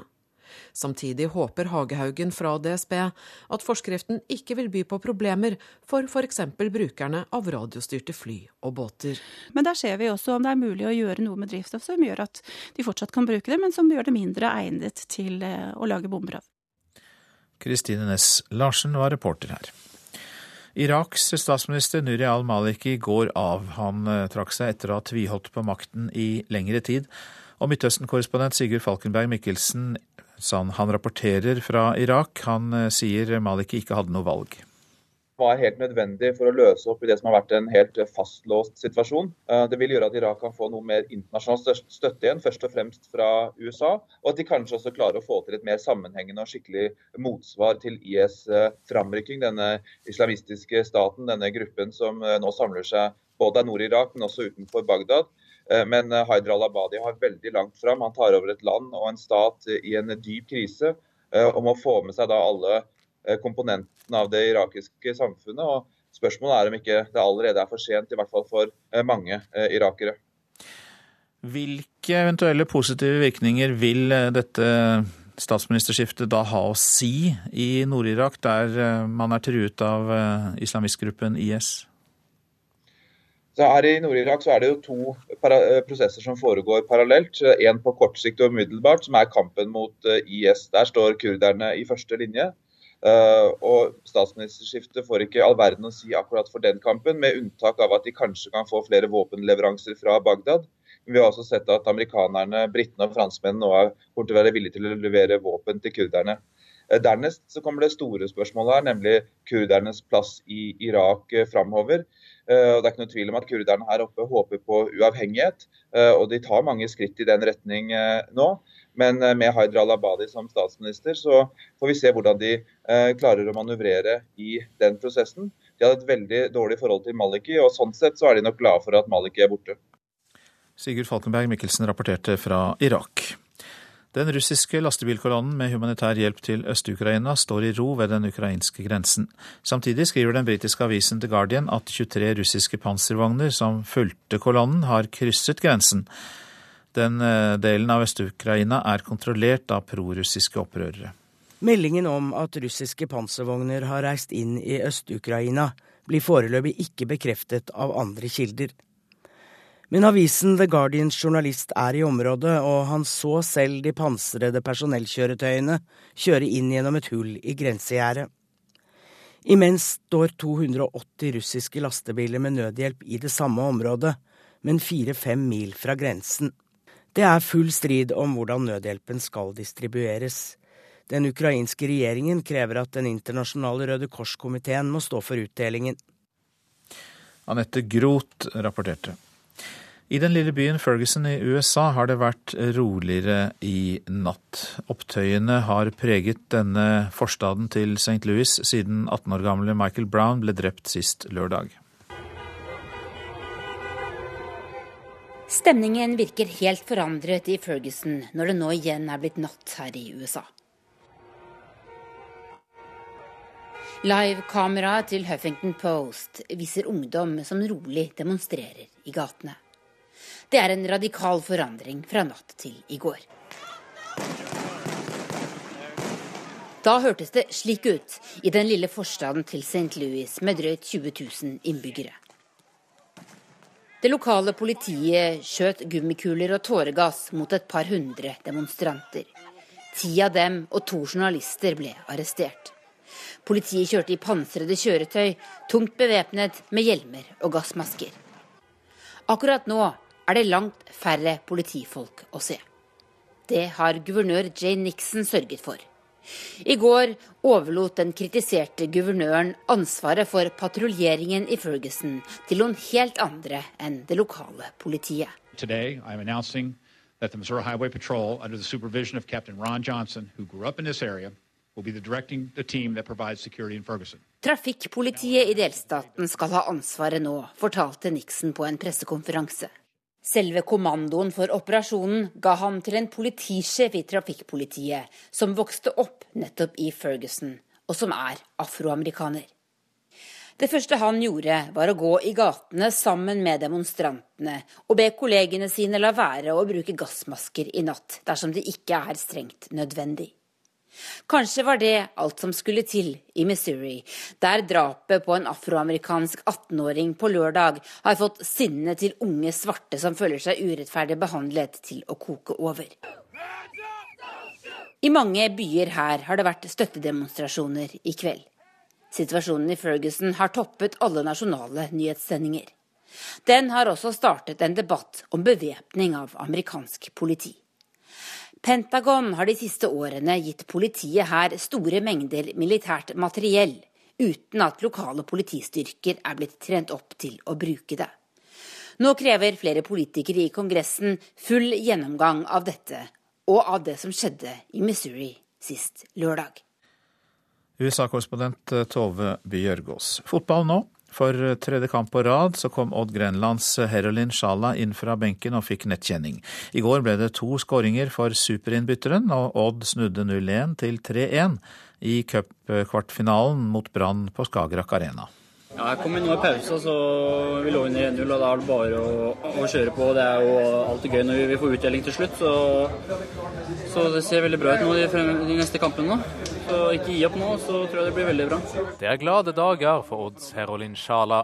Målsniken har gjort det til en vane å notere seg for nettkjenninger når han blir byttet inn, og har sågar døpt seg selv den nye Ole Gunnar Solskjær. Men Sjala vet ennå ikke om å bli værende i Odd Grenland etter sesongslutt. Nei, ikke ennå, så jeg har fokus på fotballen nå, så får vi se hva som skjer etter hvert. Sjalas kontrakt med Telemarkslaget går ut etter sesongen. Ifølge trener Dag Eilef Fagermo har Odd Grenland strukket seg langt for å få superinnbytterens signatur på en ny avtale. Det har vi gjort alt vi kan, men han har jo svart nei på det. Så den problemstillingen er, er, ikke aktuell nå. Men uh, han skal få lov fortsatt å hvert fall komme inn, for da putter han mål. Så er det semifinaler. Odd møter Sarpsborg 08, mens Stabæk tar imot Molde på Nadderud. Og reporter var Olav Havdal Tangenes. Norske forbrukere vil ha magert kjøtt, men det skal også være mørt og saftig. Bøndene gjør sitt beste da, for å skaffe det, samtidig som dyrene skal være friske og sunne. Og det betyr helt nye avlsmetoder. Ja, nå tar jeg halen, og så skal jeg finne gulpe med hår, som, og da napper jeg det i motsatt retning av den der, for å få med noe røtter her nå, da. Den drektige, gomlende kviga løfter ikke på øyelokket når Guri Jølstad Rønnebekk sikrer seg genene hennes gjennom røttene på hårtjafsen. Jeg tar, én en prøve til, så jeg har en reserve. Så legger jeg koffert og merker nummer på kua. Jølstad gård i Kongsvinger er en av de største kjøttfeprodusentene i landet. Erlend Rønnebekk er styreleder i TYR, den landsomfattende organisasjonen for norske kjøttfeprodusenter, som også driver med avlsarbeid. Ja, Nytten av å drive avlsarbeid det er jo hele tida en, det er jo en seleksjon og en evolusjon som ligger i, i avlsarbeidet. Og det er jo at man skal tilpasse dyrene etter litt det markedet som, som man skal levere kjøttet til. Og i Norge så ønsker man jo eh, hovedsakelig kjøtt av, med litt mindre fett enn kanskje f.eks. enn en andre, andre markeder. Samle hårprøvene i en sånn boks i konvolutter. Her, f.eks. Altså jeg skriver eh, for Charolais, så er det ku, og så er nummer på kua. Ørenummeret hennes. På Jølstad gård blir hårprøvene fra de viktige avlsdyra, både kuer og okser, lagra, mens en prøve blir sendt til biobanken på Hamar. Her har leder Sigbjørn Gregusson og hans team en bank med flere hundre tusen genprøver fra forskjellige husdyr og fisk. Tidligere analyserte man blodprøver, nå gir hår og andre vevsprøver ufattelig mange opplysninger som gir store muligheter i avlsarbeidet i framtida. Det største forskjellen er jo at uh, fortsatt basert på de samme avlsprinsippene, ved å velge de beste egenskapene, så måtte man i, i tidligere tider vente på å, å se de her egenskapene på avkom uh, etter, uh, etter avlsdyr den dagen vi er i stand til å lese akkurat de samme egenskapene ut fra arvematerialet, så er det jo snakk om eh, uker eller et par måneder, så kan man ha resultatene klare. Den framtidige såkalte genomiske seleksjonen, den den vil gjøre avlsarbeidet en god del mer effektivt og også, også, rimeligere. Selv om vi fortsatt må kunne eh, kontrollere gjennom avkommene, så, så, så vil det være en, det en veldig spennende framtid som vi, vi, går inn i, som, som også er i full bruk allerede. Reporter var eh, Vera Wold. Værvarselet fram til midnatt. Fjellet i Sør-Norge etter hvert enkelte regnbyger. Østland og Telemark oppholdsvær. Fra i ettermiddag spredte regnbyger med torden, men også perioder med sol. Agder får pent vær først på dagen, seinere ettermiddagsbyger med torden i indre strøk. Fra i ettermiddag også stiv kuling i Agder. Vestlandet sør for Stad. På kysten nordvest periodevis liten kuling. I ettermiddag øker det til stiv kuling sør for Obrestad. Enkelte ettermiddagsbyger kan hende med torden, for øvrig stort sett pent vær. Møre og Romsdal og Trøndelag enkelte regnbyger, men også perioder med sol. Nordland enkelte regnbyger. Troms også regnbyger. I kveld liten kuling på kysten lengst nord i Troms. Vest-Finnmark med vidda. På kysten liten kuling. Regnbyger. Mest i ytre strøk. Perioder med sol på Finnmarksvidda. Øst-Finnmark enkelte regnbyger, men også perioder med sol. Og Nordensjøland på Spitsbergen stort sett pent vær. Så var det temperaturene, og disse er målt klokka sju. Svalbard lufthavn seks, Kirkenes tolv, Vardø elleve. Alta 12, Tromsø-Langnes 9, Bodø 10. Brønnøysund og Trondheim-Værnes begge 12 grader, Molde 13, Bergen-Flesland 12, Stavanger 14, Kristiansand-Kjevik 10. Gardermoen og Lillehammer 12 grader, Røros 7 og Oslo-Blindern 14 grader. Så slår vi fast at Sven Gullvåg var ansvarlig for radionyhetene denne morgenen. Prosent for Nyhetsmorgen Marit Selmer Nedrelid. Teknisk ansvarlig Eli Kyrkjebø, og her i studio Øystein Heggen. Alltid nyheter fortsetter med en reprise av Nyhetsmorgen, mens det blir ekko i P2.